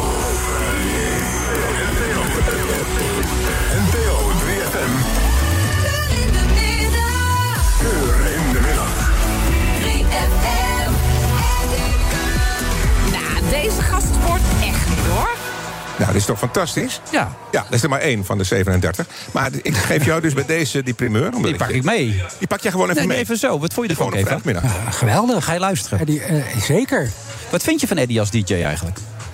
Ik, ik, ik vind hem hartstikke leuk. En het is altijd eh, la- la- lachen en eh, eh, gro- grollen, zeg maar. Hmm. Ik ben nog wel aan het nadenken over wat dat dan... Gaan al die mensen die normaal gesproken naar Radio 2 luisterden... nu allemaal naar Radio 3? Nou, dat hoop ik niet. Nee. Nee, ik hoop dat ze weg te halen bij 538 natuurlijk. en bij andere zenders. En bij Radio 10. Dat zijn eigenlijk de, de, de grote Maar concurrenten. betekent dat dat radio, de 3FM gaat ook afstappen van dat... dat, dat want- want ze waren er ook altijd voor, voor interessante muziek, voor nieuwe muziek. En voor- nieuwe muziek blijft natuurlijk. Ja? Alleen eh, ik- met nieuwe muziek heb ik iets minder. Eh, maar je kunt wel de hits van nu laten horen natuurlijk. In combinatie met wat wij in het laatste uur gaan doen. Gaan we iets, kan ik wel even revealen, iets ondeugends doen. Wat niemand anders doet. Nou, vertel maar. Nee, nee, nee, besodemiet. Dat Waarom? juist- Iets ondeugends. Jij zit hier nu toch? Ondeugends. We gaan een beetje ondeugend worden. Oh. En ik heb ook wel eens die vraag had ik van jou verwacht. Dat jij zou zeggen, hey, Keur, ben je niet een beetje te oud voor 3FM? Nou ja, daar zat ik naartoe te werken. Ja, maar ik ja, vind het een beetje lullig, want ik begon er al mee. Ik denk, nou, als ik het nou weer ga doen. Maar de essentie is natuurlijk wel... Er, er was een tijd dat, dat 3FM voor de jeugd was. En eh, kun je nog steeds aanvoelen wat de jeugd leuk vindt? Mhm. Nee, ik werk met mensen die dat heel goed kunnen aanvoelen. Maar hoe kun jij daar invulling aan geven dan? Hoe wil je dat? Ja, daar ben, ik, dan? van- daar ben ik van overtuigd. Door in ieder geval een lach te brengen. Mensen vrolijk te maken. En mensen te denken van, oeh, dit is wel heel erg in my face. Zeg. Jezus, wat zegt hij nou? Kijk, het, het, het jonge Maar ga je dan chockeren om het chockeren? Ga je dan een, een kunstje nou ja, opvoeren? ik- als ik op twee zit, choqueer ik ook niet. Maar ik zeg wel hele rare dingen. Je moet- kunt het vergelijken met bijvoorbeeld... eh, als jij nou zegt, eh, jij bent eh, bijna eh, 63, te oud voor 3FM. Dan denk ik bij mezelf, er is iemand die heel veel ouder is dan ik... die één keer per jaar heel veel cadeautjes vraagt... en niemand van de jonge doelgroep zegt van... hé, hey, hoe oud is die man? Als Sinterklaas Ja, hier is, hebben ze niemand eigen belang. Dan hebben ze eigen belang. Zeg nou even hoe leuk deze vergelijking is. Nee, is die, gewoon. gaat niet, klopt, die klopt namelijk Oh, niet. Want dan is het eigen belang, want dan krijgen ze iets. Ja, maar dus nu moet jij nu ze... krijgen ze ook iets van ons. Ze wat- krijgen van ons in ieder geval items en een, een, een andere manier van Maar dat presenteren. gebeurt op alle zenders natuurlijk, Eddie. Dat is het ge- lastige natuurlijk. Nou ja, ik, ik, ik ben heel benieuwd. Ik, je weet, ik ben fan. Jij ik zit- vind jij- jij- jij- eh, Jij zit toch ook met niet al te jonge mensen op een zender? Wij kijken volgens mij ook best, eh Nou, best kijken ook zo jonge oude mensen. Ja, maar ook jonge mensen Ja, naar, die pakken altijd die soundbites. Hè. Die pakken al die Ja, dingetjes. maar die eh, worden wel geleverd door wat oude mannen, toch? Ja, Kijk, het punt waar, is ja. dit. Garanties, weet je ook. Garanties krijg je nooit in het leven. We gaan het in ieder geval proberen. We gaan anderhalf jaar met z'n allen keihard die schouders eronder zetten. In de hoop dat we van 2 naar 3 procent gaan. Van 3 naar 4 procent gaan. En dat zou al geweldig zijn. Je kunt ook niks doen. Je kunt ook tegen mij zeggen dat 3FM dat zit al acht jaar lang eh, achterover. Wat niet zo is. Maar dat had ook gekund. Nee, maar goed, gelet op jouw ervaring en jouw, jouw kunde heb ik wel hoop, laat ik het zo stellen. Ja. Maar ik weet ook hoe, hoe hard en moeilijk deze wereld is. Ik bedoel, uit eigen ervaring heb ik dat natuurlijk ook meegemaakt. Ochtendshow gedaan, middagshow gedaan. Het is heel moeilijk om daar weer... Je stapt ergens in, zoals jij bij, bij, bij Sport 7. Nou, dat mislukt. Niet door jou, maar dat mislukt. Je stapt in bij 10, dat haalt de zender niet eens. De, de eerste. Maar je stapt er wel in. Vol. Je bent toch bij TV10 aan de Ja, gang. daar heb ik de, het enige scorende programma twee jaar gepresenteerd. Ja. Namelijk de zondagavond 7 uur. Ja. Maar ja, dat lag niet allemaal aan mij, denk Nee, ik. maar het ligt nooit aan jou, dat is juist het probleem. Ah, wat heerlijk toch allemaal weer. Maar wij beginnen in ieder geval op de 16e. liefde aan deze tafel. Ja. Ja. Ben jij wel eens in die kist geweest eigenlijk? Ja, nee, we hebben het net over gehad. Dat ik dat lastig vind, omdat je dan twee werelden bij elkaar brengt. Waarbij de ene wereld weer op een andere manier. De wereld van het opportunisme en de wereld van de eh, rust en ingehouden en mooie manieren van interviewen. Dus jij ziet jezelf als een opportunist? Ik zit in een opportunistische wereld. Ja, je zit in de, Ja. bij de commerciële wereld. Wij zitten bij de NPO. Dus eh, ik eh, zeg je bij deze toe. Want jij gaat Auschwitz maken ook, las ik. Zeker. Daar was ik verbaasd over. Hoezo? Nou ja, ik bedoel, zoals we hier nu zitten te dollen... dat past niet geheel in het plaatje van iemand die een documentaire over Auschwitz gaat maken. Maar als ik genee moet definiëren, dan heb ik mijn standaard definitie voor jou klaar. Maar daarnaast weet ik, omdat ik je privé een beetje ken, dat er ook een andere genee is. Mhm. Daar ben ik in geïnteresseerd. En ik heb ook een andere kant. En niet om nou Auschwitz te gebruiken om die kant te laten zien. Maar dit is een concept waar ik al heel veel jaren mee loop. Ja. Omdat gewoon- je opa, toch? Ja, ja, ja. die is eh, vergast in de Tweede Wereldoorlog. En dat heeft mijn moeder tot in treuren verteld in, eh, op jeugdige leeftijd. En dat heeft me een beetje geïndoctrineerd achtergelaten. En ik heb dat eens uitgezocht. In Nederland wordt er heel belachelijk weinig onderricht gegeven... aan eh, eh, over, over zaken over de Tweede Wereldoorlog. Daar hangen we helemaal onderaan het lijstje. Terwijl als jonge mensen geïnterviewd worden, wil worden... meer dan twee derde zegt, we willen heel graag onderwijs hebben. We willen er heel graag meer van weten. Wat ga je maken? Wat, wat ga je maken? Eh, ik ga een programma maken waarbij we vijf jonge mensen naar Auschwitz sturen voor drie, vier dagen. Die krijgen daar onderwijs en die wordt verteld precies dat wat daar allemaal gebeurd is. Daar ben ik niet bij, want dat is niet de Eddie Keur show namelijk. Ik, ik, ik moet daar niet bij zijn. Zij gaan dat daar samen beleven. Wij ontmoeten elkaar aan het begin van de documentaire. Wat weten jullie nu van die Tweede Wereldoorlog? Dan zul je dus zien dat het belachelijk weinig is. Dan gaan zij naar Auschwitz toe. Daar consumeren ze dus heel veel van die informatie. Dan komen ze terug, dan vraag ik ze daar weer naar. In de hoop dat die informatie die zij dan in hun hoofd hebben... beklijft en dat dat meegaat naar de nieuwe generatie of hun huidige generatie. Van de andere kant van Eddie Keur dit. Ja, ja, ja. Maar eerst die radioshow. Ja, dat is eh, 16 16 september? 16, 3FM begint dat om 4 uur. En ik hoop eh, dat je ook een keer als gast komt ook gezellig. Ik wil alleen maar steeds dat ik gas kom. Ik bel wel in dan. Nee, maar ik heb jou, ik, ook, je mag ook best wel iets voor een ander doen, hè? Je hoeft niet alleen maar je hand op te houden. We gaan nou ook eens een keer een andermans programma zitten, man. Ik vind dat, eh, je bent helemaal niet arrogant namelijk. Maar je bent wel een beetje een praatjesmaker op dat punt. Dankjewel, Eddie. Ik vond het wel leuk dat je er was trouwens. Vond je niet? Ja, ik vond absoluut. het heel leuk dat je mij bij deze zender Ja, vroeg. ik zou wel wat gaan lopen en zo. Een beetje bewegen is goed, man. Nou, ik eh, zit even naar jou te kijken. Ja? Ziet er goed uit, hè? Wanneer ben je uitgerekend? Bedankt. De volgende keer.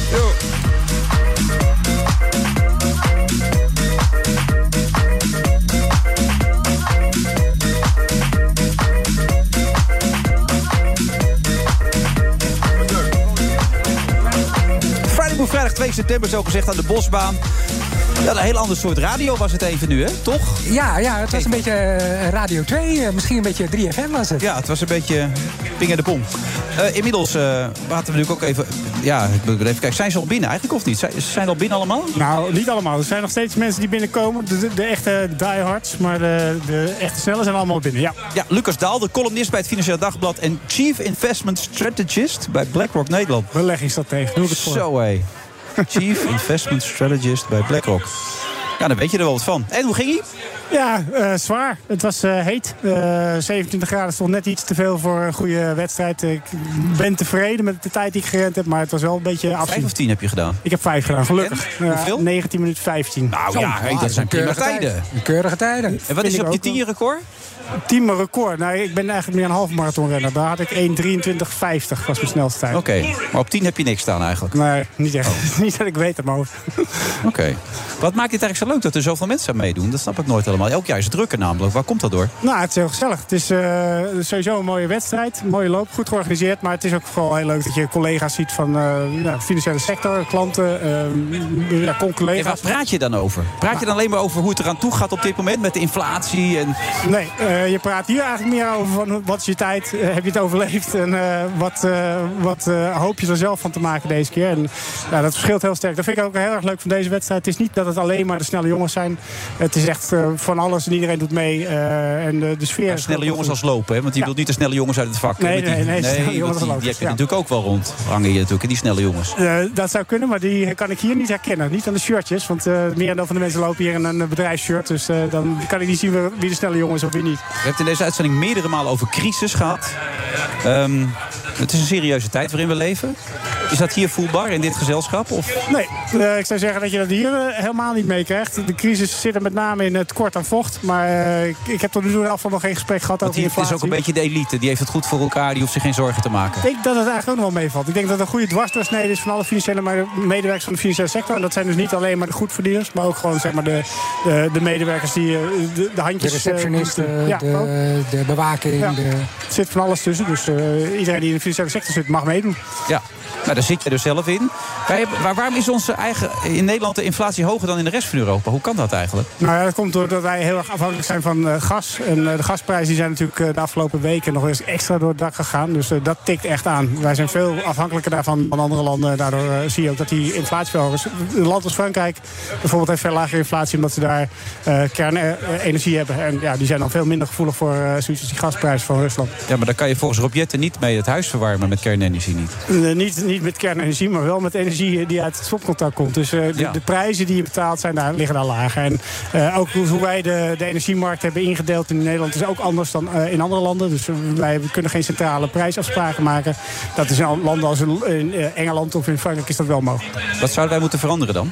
Nou, ik weet niet of je dat moet veranderen hoor. Kijk, ik, ik ben altijd wel voorstander van om de markt zoveel mogelijk de markt te laten. Ik ben het tegelijkertijd wel mee eens dat de prijzen die je nu ziet zijn zo hoog dat het voor sommigen echt wel te zwaar is. En daar moet je dan wat aan doen. Maar goed, eh, we hebben natuurlijk afgelopen deze week de, de, de, de plannen van de regering gezien. De 14 miljard. Nou, ik denk- 16 miljard kan het natuurlijk 16, lopen. zeg. ja. Eh, ik denk dat dat een hele mooie, eh, ja, mooie eh, stap is. Eh, tegelijkertijd, ik ben geen voorstander van om alles voor iedereen te compenseren. Waarom niet? Nou ja, je moet de markt ook de markt laten. Op het moment dat je echt zegt, de overheid eh, is eh, degene die alles moet oplossen... Ja, dan neem je op een gegeven moment ook alle risico's weg, alle prikkels. eh, en daarmee sla je ook eigenlijk wel een beetje de economische eh, vitaliteit dood. Terwijl tegelijk, nou, tegelijk- tegelijkertijd hoor je de afgelopen jaren wel eh, in toenemende mate kritiek op de markt, de markt laten. Omdat dat in allerlei andere sectoren voor heel veel ellende heeft gezorgd. Als je kijkt naar de zorg, als je kijkt naar het openbaar vervoer, als je kijkt naar meer van dat soort sectoren waar we de markt, hè, waar we dat o- hebben overgedragen als samenleving aan de markt. En ik kan nou niet zeggen dat de markt ervoor gezorgd heeft dat de kwaliteit die geleverd werd nou zo veel beter werd. Nee, dat denk ik eigenlijk ook. Ik bedoel, de discussie is waar je de markt de markt moet laten. Maar in dit geval hebben we te maken met een, eh, een energiecrisis... die ja, van buitenaf is opgelegd. eh, waarvan je kan zeggen, van, ja, dit is iets wat je onmogelijk kan compenseren. Wij moeten gewoon echt met z'n allen, Nederland als geheel... moeten de rekening betalen.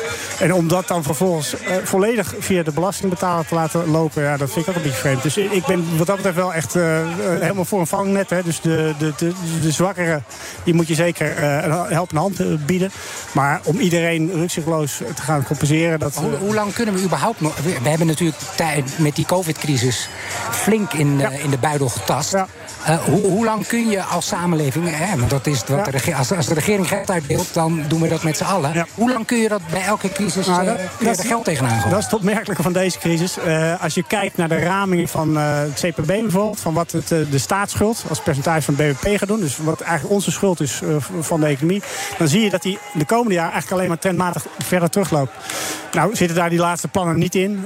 Dus misschien met de laatste plannen zie je dat daar een, een lichte stijging eh, Dus onze schuld loopt terug terwijl we meer uitgeven. Dat is omdat het dus kennelijk ook de economie stimuleert. Nee, dat komt enerzijds doordat de gasbaten erin zitten. Dus wij profiteren als, of dan de Nederlandse staat profiteert ook van hogere gasprijzen. En anderzijds, en dat vergeten mensen altijd, eh, het percentage, dus de schuld staat altijd als, eh, eh, als percentage van het BBP. BBP, eh strikt genomen is dat het nominale BBP. Dus de inflatie die je ziet, eh, heeft er ook toe geleid dat de omvang van de economie sneller gegroeid is dan de schuld. Eh, klinkt on- onwaarschijnlijk, maar dat is natuurlijk eh, dat is wel de trend die je nu ziet. Met als gevolg dat je dus ziet eigenlijk dat eh, ondanks al die uitgaven de schuld eigenlijk alleen maar lager is komen te liggen. Nou, dat is op zich nog een beetje positief nieuws op deze vrijdagmiddag. Daarom. En het is mooi weer. Die pak ik vanavond even mee deze. Kijk, ik moet het wel even helemaal uitleggen met het nominaal enzovoort. Het wordt nog een lastig verhaal. Maar ik zeg gewoon dat de schuld aan het afnemen is. Alleen dit pakket is er nog niet eh, in meegenomen. nee, nee, nee. Dus het kan best zijn dat dat eh, in de nieuwe cijfers wat, wat minder gunstig is. Maar dan nog, kijk, Nederland staat er wat dat betreft heel goed voor. Hè. We hebben een schuld van 50% van BBP. De rest van Europa Ja, ligt veel hoger, allemaal veel toch? hoger. Ja, Ja. veel hoger. Dus, eh, Want waar zit Italië op? Als je het ook... Boven de 120 volgens mij. inmiddels. Dat soort dingen, weet je. Dat is toch niet te geloven? Dus nee, wat dat betreft hoeven wij ons... Ja, we, we moeten ons allemaal zorgen maken, maar is het niet zo erg... als Maar die in politici zijn dan ook lekker bezig als ik dit zo hoor. Hè? Die, die, eh, die zijn lekker bezig met het land. Wat, wat, worden we goed, wat worden we goed bestuurd? Ja, toch? ik, ik- ik- dit wil ik niet eh, op de konto van de politici eh, schrijven. Maar, maar als, je, als je dat wil doen, dan mag dat voor mij. Ja, Lucas Daalder van Blackrock. Eh, wat ga je nu doen? Eh, meteen naar huis of wordt er nog wat eh, gedronken hier? Nee hoor, we gaan hier gezellig nog even met z'n allen napraten. En, eh, Evalueren natuurlijk. Evalueren Ja, bocht het scherp Met een en zo. Ja, ik ken dat. Dat doen wij ook altijd. Ja. Heel belangrijk. Nou, geniet ervan. Dank En succes. En tot de volgende keer. Heel goed. Waarom wachten? Dit is het moment. Je bent toe aan TUI. Want de beste last minute naar Turkije boek je nu. Acht dagen al vanaf 349 euro per persoon. Boek op toei.nl, in de TUI-app of bij je reisadviseur. TUI. Live happy. Beleggen is razend populair. Maar hoe bepaal je wat je favoriete aandelen nou echt waard zijn? Dat gaan wij voor jou uitzoeken in BNR Doorgelicht. Nina en Jim. We vertellen je het verhaal achter het bedrijf. Wat ze vervolgens deden was dus Steve Jobs aan de kant zetten. En we doen een grondige fundamentele analyse. Het lijkt dus een super saai aandeel, maar dat is het helemaal niet. Elke vrijdagavond om 7 uur doorgelicht op BNR. Of zoek hem op in je podcast-app. Doorgelicht wordt mede mogelijk gemaakt door de Giro. Financial Power. To you. Slash BNR. The Friday Move wordt mede mogelijk gemaakt door TUI. Live happy. BNR Nieuwsradio. The Friday Move. Het hele land ligt plat, want Utrecht ligt plat. Dit staat gewoon haaks op onze, onze waarde als partij. Bij mij is de lol al een tijdje weg. Maar ik vind alleen zonde dat de reiziger daar de dupe van wordt. Wilfred Genee. Met de absolute slotfase van de Friday Move van 2 september.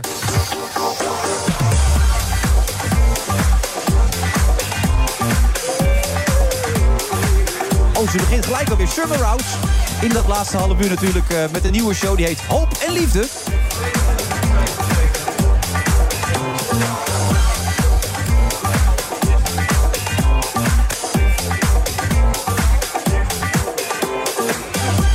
Alouche nog steeds mijn eh, co-host. We hadden met één auto kunnen komen. Waar het niet dat ik natuurlijk nog... een andere Jij hebt nog wat klusjes. nog wat klusjes, want we wonen allebei natuurlijk eh, in Soest. Ehm, eh, wat, wat is het eerste wat bij jou komt als je Sherma House ziet? Ik, ik riep net naar haar, ik was er in Paradiso bij. Echt waar? Eh, ja, die, die, die gospelmuziek, eh, het, het Zo Gospel Choir is het gospelkoor van Nederland. En Sherma was daar samen met, Birgit. met Birgit Lewis en dat koor. En die gaven daar een geweldig concert. En daar was ik bij en dat vond ik geweldig. Vind ik Dus leuk ja. om te horen ook. Superleuk. Ja, ja, die, die gospelmuziek is echt fantastisch. Wat maakt het zo bijzonder dan? Dat is omdat ehm, echte gospelmakers, echt mensen die echt gospel maken, die geloven echt wat ze zingen. En als je daarbij bent, dan, ja, dan, dan voel je dat. Mensen die geloven wat ze, je, wat ze je vertellen, of het nou een verhaal is, Ja. of in dit geval een lied, dan raak jij Ja. meebegeesterd. Ja, tenzij. Dries Roelvink het doet, toch? Of, of zie ik Als, dat die, als Dries Roelvink echt Wat? gelooft wat hij zingt, Ja? dan Dries? ga, je mee. Zeker weten. Ja, maar je kan toch niet van alles gospel maken? Wat in dat programma gebeurde, hebben we toen ook gezegd toen je er was en toen, toen Ja. Dries er was enzovoort. Ja. Dat gaat toch iets te ver? Dat loopt toch Nou, een ik- beetje, het lijkt een beetje hè, uit de Nee, ik, bocht. snap- ik snap heel goed wat je bedoelt. Maar het gaat om intentie en interpretatie. Dus ehm, je- om, om mensen een introductie te geven aan een muziekstijl... moet je beginnen met iets wat ze goed kennen. Ja. Dus dat was eigenlijk Maar de kleine in- jongen zong je toch? Ja, omdat hij dat heeft zelf aangedragen. Ja. Dus we, lieten nummers kiezen de eerste ronde die hun wat deden. Dus en dat, ik denk voor mij, en daarom ga ik ook nu eh, theater in, want ik merk dat er zoveel vraag naar is van nou wat beweegt jou, Sherma? Wat is het dat, eh, dat jou ehm, ja, inspireert? En voor mij is het gewoon hoop en liefde. En eh, Ik moet jou aanspreken, Keva, als ik dat zo Zeker, hoor. zeker. Ja. Maar hoop en liefde. We hebben het eerder in deze uitzending gehad. Femke van der Laan zei angst en liefde. Dat zijn de twee drijfveren. Je hebt twee varianten in het leven waar het om draait. Jij zegt hoop en liefde. Ja, omdat als je hoopvol bent, dan komt het wel goed. Kijk, we zijn, we zijn nu met z'n allen door een hele gekke tijd heen gegaan met corona en nu met oorlog. Alles is heel dichtbij en Mhm. heel heftig. Maar uiteindelijk willen we ook weer genieten. Toch? Ja, Je wil maar dat weer... is best wel lastig in een tijd als deze. We Maar hebben daarom. zware dingen besproken. We horen trouwens net Ja. dat onze schuld, de nationale schuld, Ja. nog best meevalt. Dus Ja, die pakken we 50, mee. Ja, ik heb het gehoord, ja. Ja. Maar, het, maar dat is het, het juiste ding. Als, we, als je nergens hoop uit kan putten... kan je ook niet leven. En zonder leven is geen liefde. Dus voor mij is ehm, hoop en liefde hetgene wat we nu het meest nodig hebben. Het, is- het klinkt heel cliché, maar het is gewoon wat het Maar is. is hoop dan ook geloof? Want geloof is voor jou belangrijk volgens mij. Absoluut, Dat is ben- daar een onderdeel van. Ja, ik ben christen, maar het gaat niet om geloof in het religie- eh, re- religieuze zin. Maar geloof in het... eh, het kan zijn dat je gelooft in je voorouderen, in jezelf. Mhm. in je, eh, als je Boeddha, Allah... Maakt allemaal niet uit. Het gaat erom dat je ergens in gelooft. En Maar dat heb je denken- nodig, zintgeving eigenlijk ook. Vind ik wel. Nou, het apart is, ik- las jouw verhaal. eh, seculiere moslims waren jullie vroeger toch, begreep ik? Ja, ik vind het altijd heel ingewikkeld hoe het allemaal werkt. Toen was je bij hem helemaal klaar mee, atheïst. En toen rond je dertigste had je zingeving nodig. Zo voelde je dat. Wat, Ja. wat was dat dan? Ja, nou ja, iets wat, wat zin geeft aan wat je doet. Iets wat richting geeft aan wat je doet. En, Al het andere was, had geen waarde eigenlijk. Dat succes niet, dat huis niet, dat gezin niet. Het was niet voldoende. Nou ja, toen het er was, was het geen antwoord. Het bleek dus niet, het, het, het, het vulde niet het gat op... of het gaf geen antwoord op de vraag die er eigenlijk was. Precies. En dat is het, als ik iets aan het doen ben, als ik op deze aarde ben... Wa- wa- waarom ben ik er dan? Wat geeft, wat maakt het, wat geeft het een waarde? Nou ja, daar zo, zo... Dat zijn allemaal die vragen die in je, in je, in je rond. eh, Maar voor waren. mij, voor mij, en daarom eh, ehm, eh, deze voorstelling is liefde. dus al die spullen die we vergaren, Mhm. gaandeweg. Als je weg bent, zijn ze weg. Dus wat is nou eigenlijk de doelstelling van je leven? En dat is gewoon liefhebben. Dat hoop je. Dat je leven kan delen met iemand. Dat je je kinderen liefde kan geven, je naasten. Maar ook gelukkig zijn. En heel veel mensen zijn heel ongelukkig. Maar er zijn heel veel mensen in de auto's die nu zitten luisteren... wat- die zeggen, dit is een open deur. Waar waar hebben deze mensen het over? Kun je dat voorstellen? Nee, het- nee, nee, ik snap het wel. Maar het is, het is ehm, kijk, het simpele voorbeeld. Ik heb mijn hele leven lang, ik ben nu vanaf mijn 19e in Nederland komen wonen. Ja. Alleen. Mijn ouders zijn op de Antillen. We zijn altijd blijven wonen. Ik kwam hier alleen.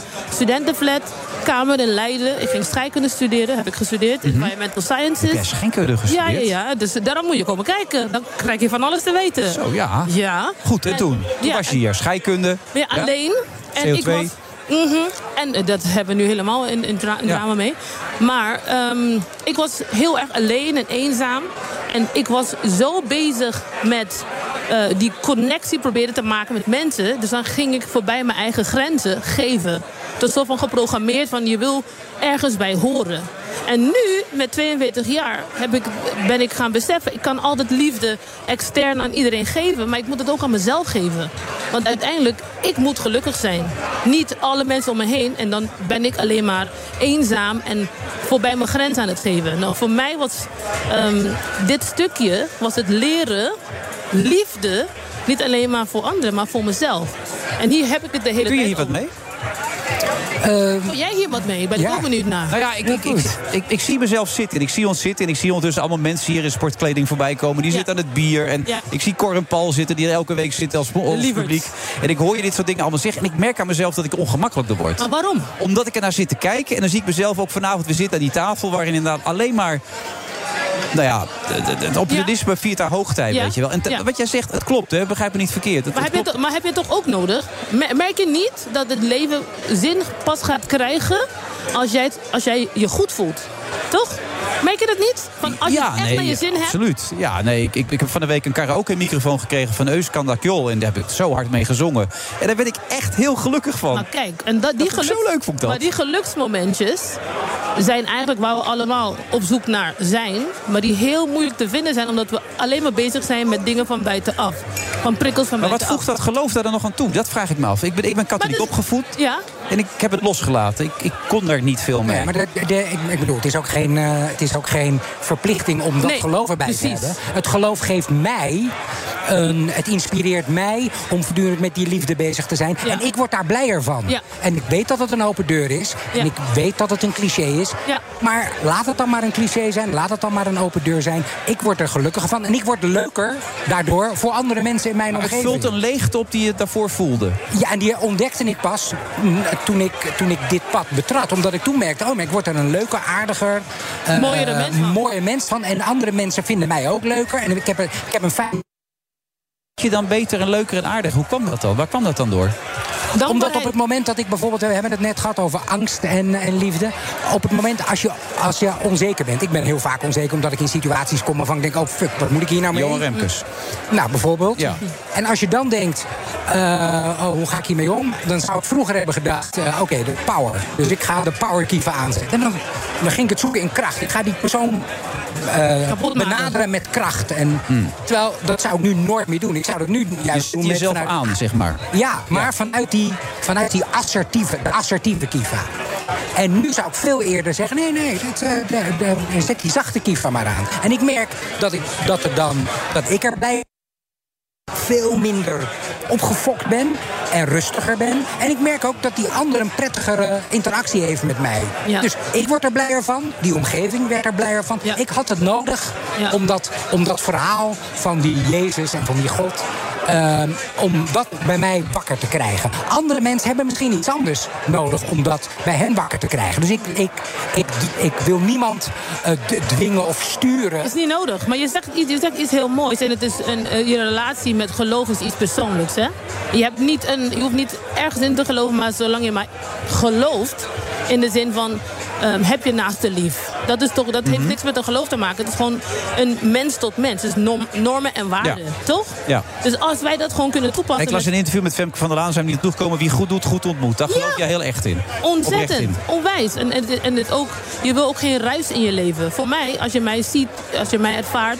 je merkt, het, het gaat niet om hoe ik eruit zie, het gaat om wie ik ben. Ja, maar als ik zo'n opmerking over Dries maak om hem een beetje te jennen... Ja. dan wil je het gelijk voor me opnemen. Dat vind je belangrijk dan ook. Nee, niet eens omdat ik het ook echt geloof. Ja. En als het met je eens zal zijn, dan zeg ik ja, dat snap ik wel. Want ik vind, ik vind niet iedereen lief en leuk. Nee. Maar als ik weet dat iemand zijn intentie goed is. Puur. En waar, ja, daar gaat het om. Als hij ervoor kiest, omdat dat hem raakt. Wij hebben gewoon geprobeerd hem te dragen.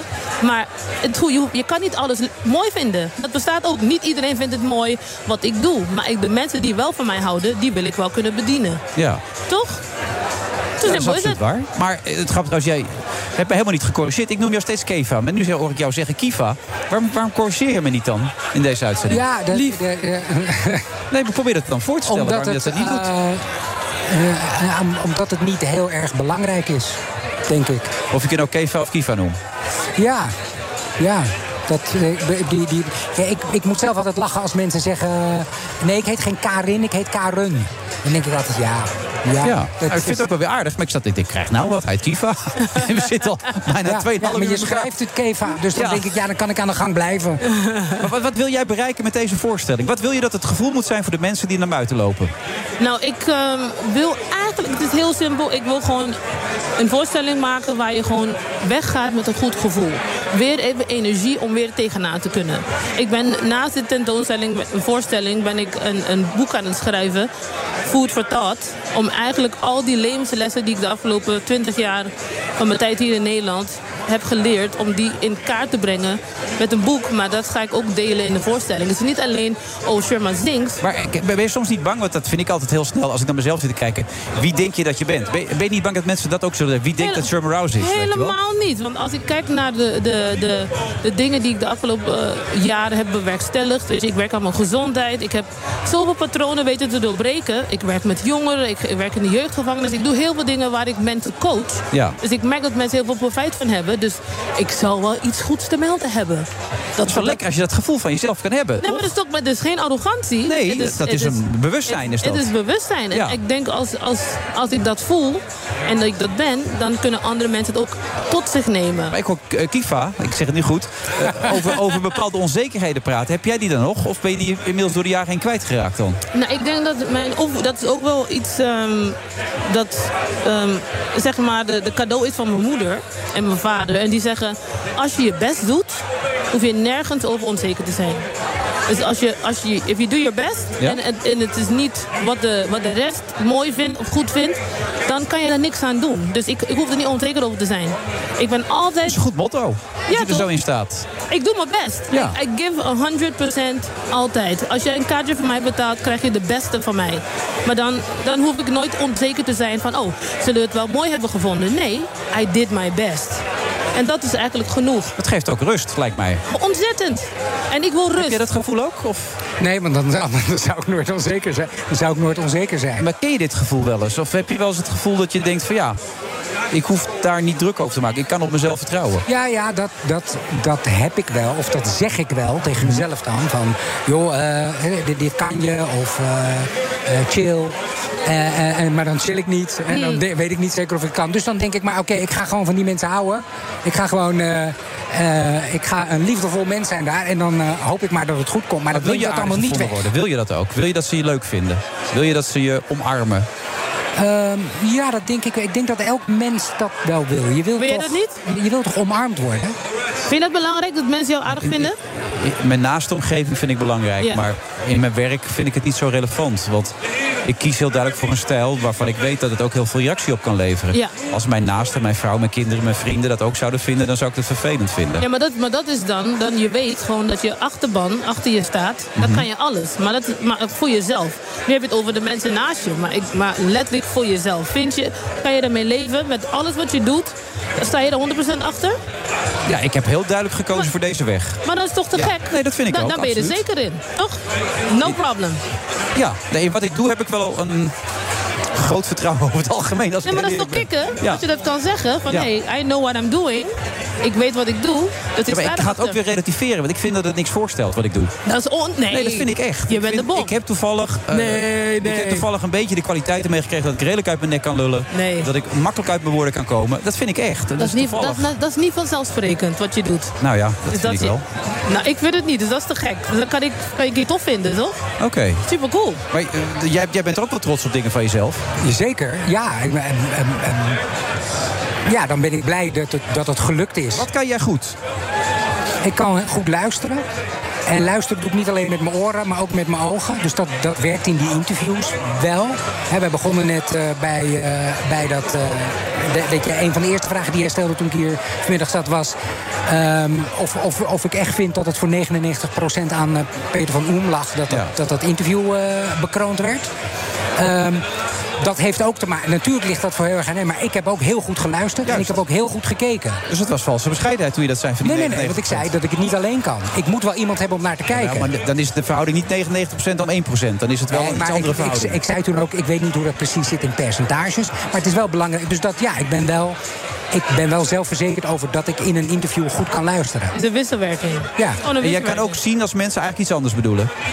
Dat zie jij ook. Ja, en ik, ik, ik- ik zie dat eerst met mijn buik, denk ik. Dus dan, ik, zit, ik ben altijd aan het kijken. Dus vandaar dat ik geen vragenlijst heb. Mijn Nee. vragenlijst leidt mij af. Dus ik moet iemand in de ogen kijken en ik neem dat hele lichaam en die, die blik op. En als er ergens een, een spiertje net iets anders doet, dat ik dan denk hé, hey, wacht even. Dat klopt niet met wat ik hoor. Je leest iemand eigenlijk. Ja, dus dat ben je de hele tijd. Dus ik ben voortdurend aan het speuren naar wat is hier aan de hand? Wat is hier het verhaal? Wat is het echte verhaal? Nou ja, dat, dat vind, dat dat is vind leuk interviewen. Ja, dat, echt is hartstikke leuk. interviewen. Maar bij jou ga je zenden. Of ga je ook luisteren. Dan kunnen Nou, mensen ook in contact met je nou, treden nou, in die voorstelling. Zeker, maar weet je wat, wat het is wel heel mooi wat jullie nu aangeven. Want bij mij is het ook, ook zo. Ik maak vaak een setlijst, maar nooit een volgorde. Nee. Dus, dus ik reageer op het publiek. Als het publiek, als ik merk dat mensen ertoe zijn om iets kleins, dan zeg ik tegen de jongens, hé, we gaan iets anders doen. Dus zo doe ik het ook. Ik reageer constant Je op het voelt, publiek. je voelt de atmosfeer. Je voelt wat het publiek Ze wil. worden gek voor mij, bij muzikanten, want ze moeten alles gewoon kennen. En als ik zin heb, roep ik een titel. Ja. Bijvoorbeeld in deze show doe ik ehm, heel veel eigen repertoire. Want ik, heb, ik schrijf heel veel. Ik ben jarenlang getekend in Japan geweest. Ik heb de hele wereld over getoerd. Maar heel veel mensen weten heel weinig van wat ik buiten Nederland heb gedaan. Iedereen kent mij van The Voice en Aretha Franklin. Ja, en natuurlijk van Dries Roelvink. Ja. Ja, Ja. gaat nu. Ja. Inmiddels superleuk.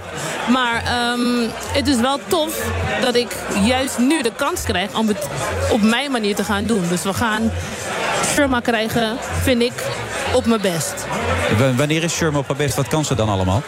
Gewoon letterlijk ehm, een wisselwerking van energie. Dus overdragen. Ik wil mensen inspireren. Ik wil mensen een goed gevoel geven. Omdat dat is wat mijn drijfveer is.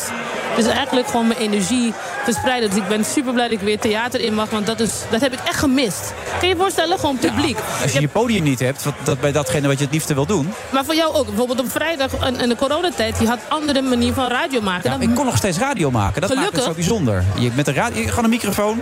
Maar je had minder publiek, minder mensen bij. Dus het was een andere vibe. En dat heb ik echt gemist. Gewoon letterlijk connectie maken en een applaus ontvangen. Oh, Ik kan, ik kan daar nu zo goed op gaan. Vroeger had ik niet eens per se nodig. Heb je nou thuis nu, een applausmachine als je soms onder de douche vandaan komt... dat je hem even aanzet? Gewoon, gewoon voor het gevoel. dat zou wat zijn. Ja, nou ja, ik ken heel veel artiesten die thuis de hele tijd hun eigen muziek draaien. Nee, ik niet. Ik luister Oh, nooit. Ja, namen willen we weten, namen. Nee, ik luister nooit naar mezelf. Never. Wie dan? Ja, ik weet het van, volgens mij Willeke Alberti, begreep ik. Die, die luistert altijd Maar naar eigen Naar eigen muziek? Ja, er zijn er nog een is aantal. prachtig. Fijn. Luister jij naar jezelf? Nooit. Nooit. Kijk jij jezelf terug? Vroeger heel veel. Elke uitzending en elke keer. Dit deed ik fout, dat deed ik fout. Waarom deed je dit, waarom deed je dat? Niet dat deed ik goed. Fout. Het zijn Ana- altijd de foute Aan dingen. het analyseren. Ja, altijd denk ik, shit, ik had dat moeten vragen. En ik wist dat ik het wilde vragen. Ja. Ik koop toch, kijk, ik weet niet hoe jij interviewt, maar ik interview met het idee dat ik zes of zeven of soms wel twintig deuren zie die ik in kan lopen. Mm. Ja, dat is het. En dan kies ik een deur. En achteraf denk ik, shit, was toch die andere deur, denk ik dan. Ja. En dat is het gevoel als je terug zit te kijken. Maar de laatste jaren, ik kom er niet eens naartoe. Ja. Ik ben zo vaak op tv dat ik niet eens thuis kan zijn Nou, om ze te bekijken. Nou, gelukkig. Gelukkig. Ja, word je er niet vrolijk van dan? Ja, het is toch fijn dat je gewoon de, de tijd niet hebt om te kritisch te zijn.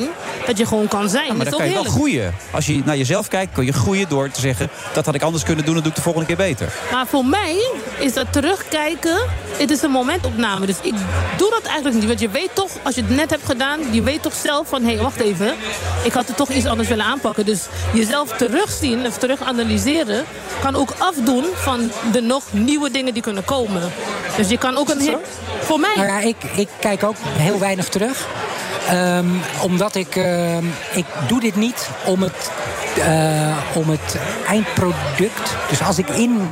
Ik vind het interview doen leuker dan het interview kijken. Ja, ja, ja. Dus eh, eh, als ik het heb over dat interview met Remkes wat niet goed ging, daar heb ik, terwijl ik het aan het doen ben, heb ik natuurlijk wel door dat het niet Ja. goed gaat. Ja, ja, ja. En achteraf dacht ik, fuck, ik had mijn eigen ding, zo, zo, zo, en, hm, hoef ik het niet voor terug te horen. Ja. ik doe het er juist wel op zulke momenten.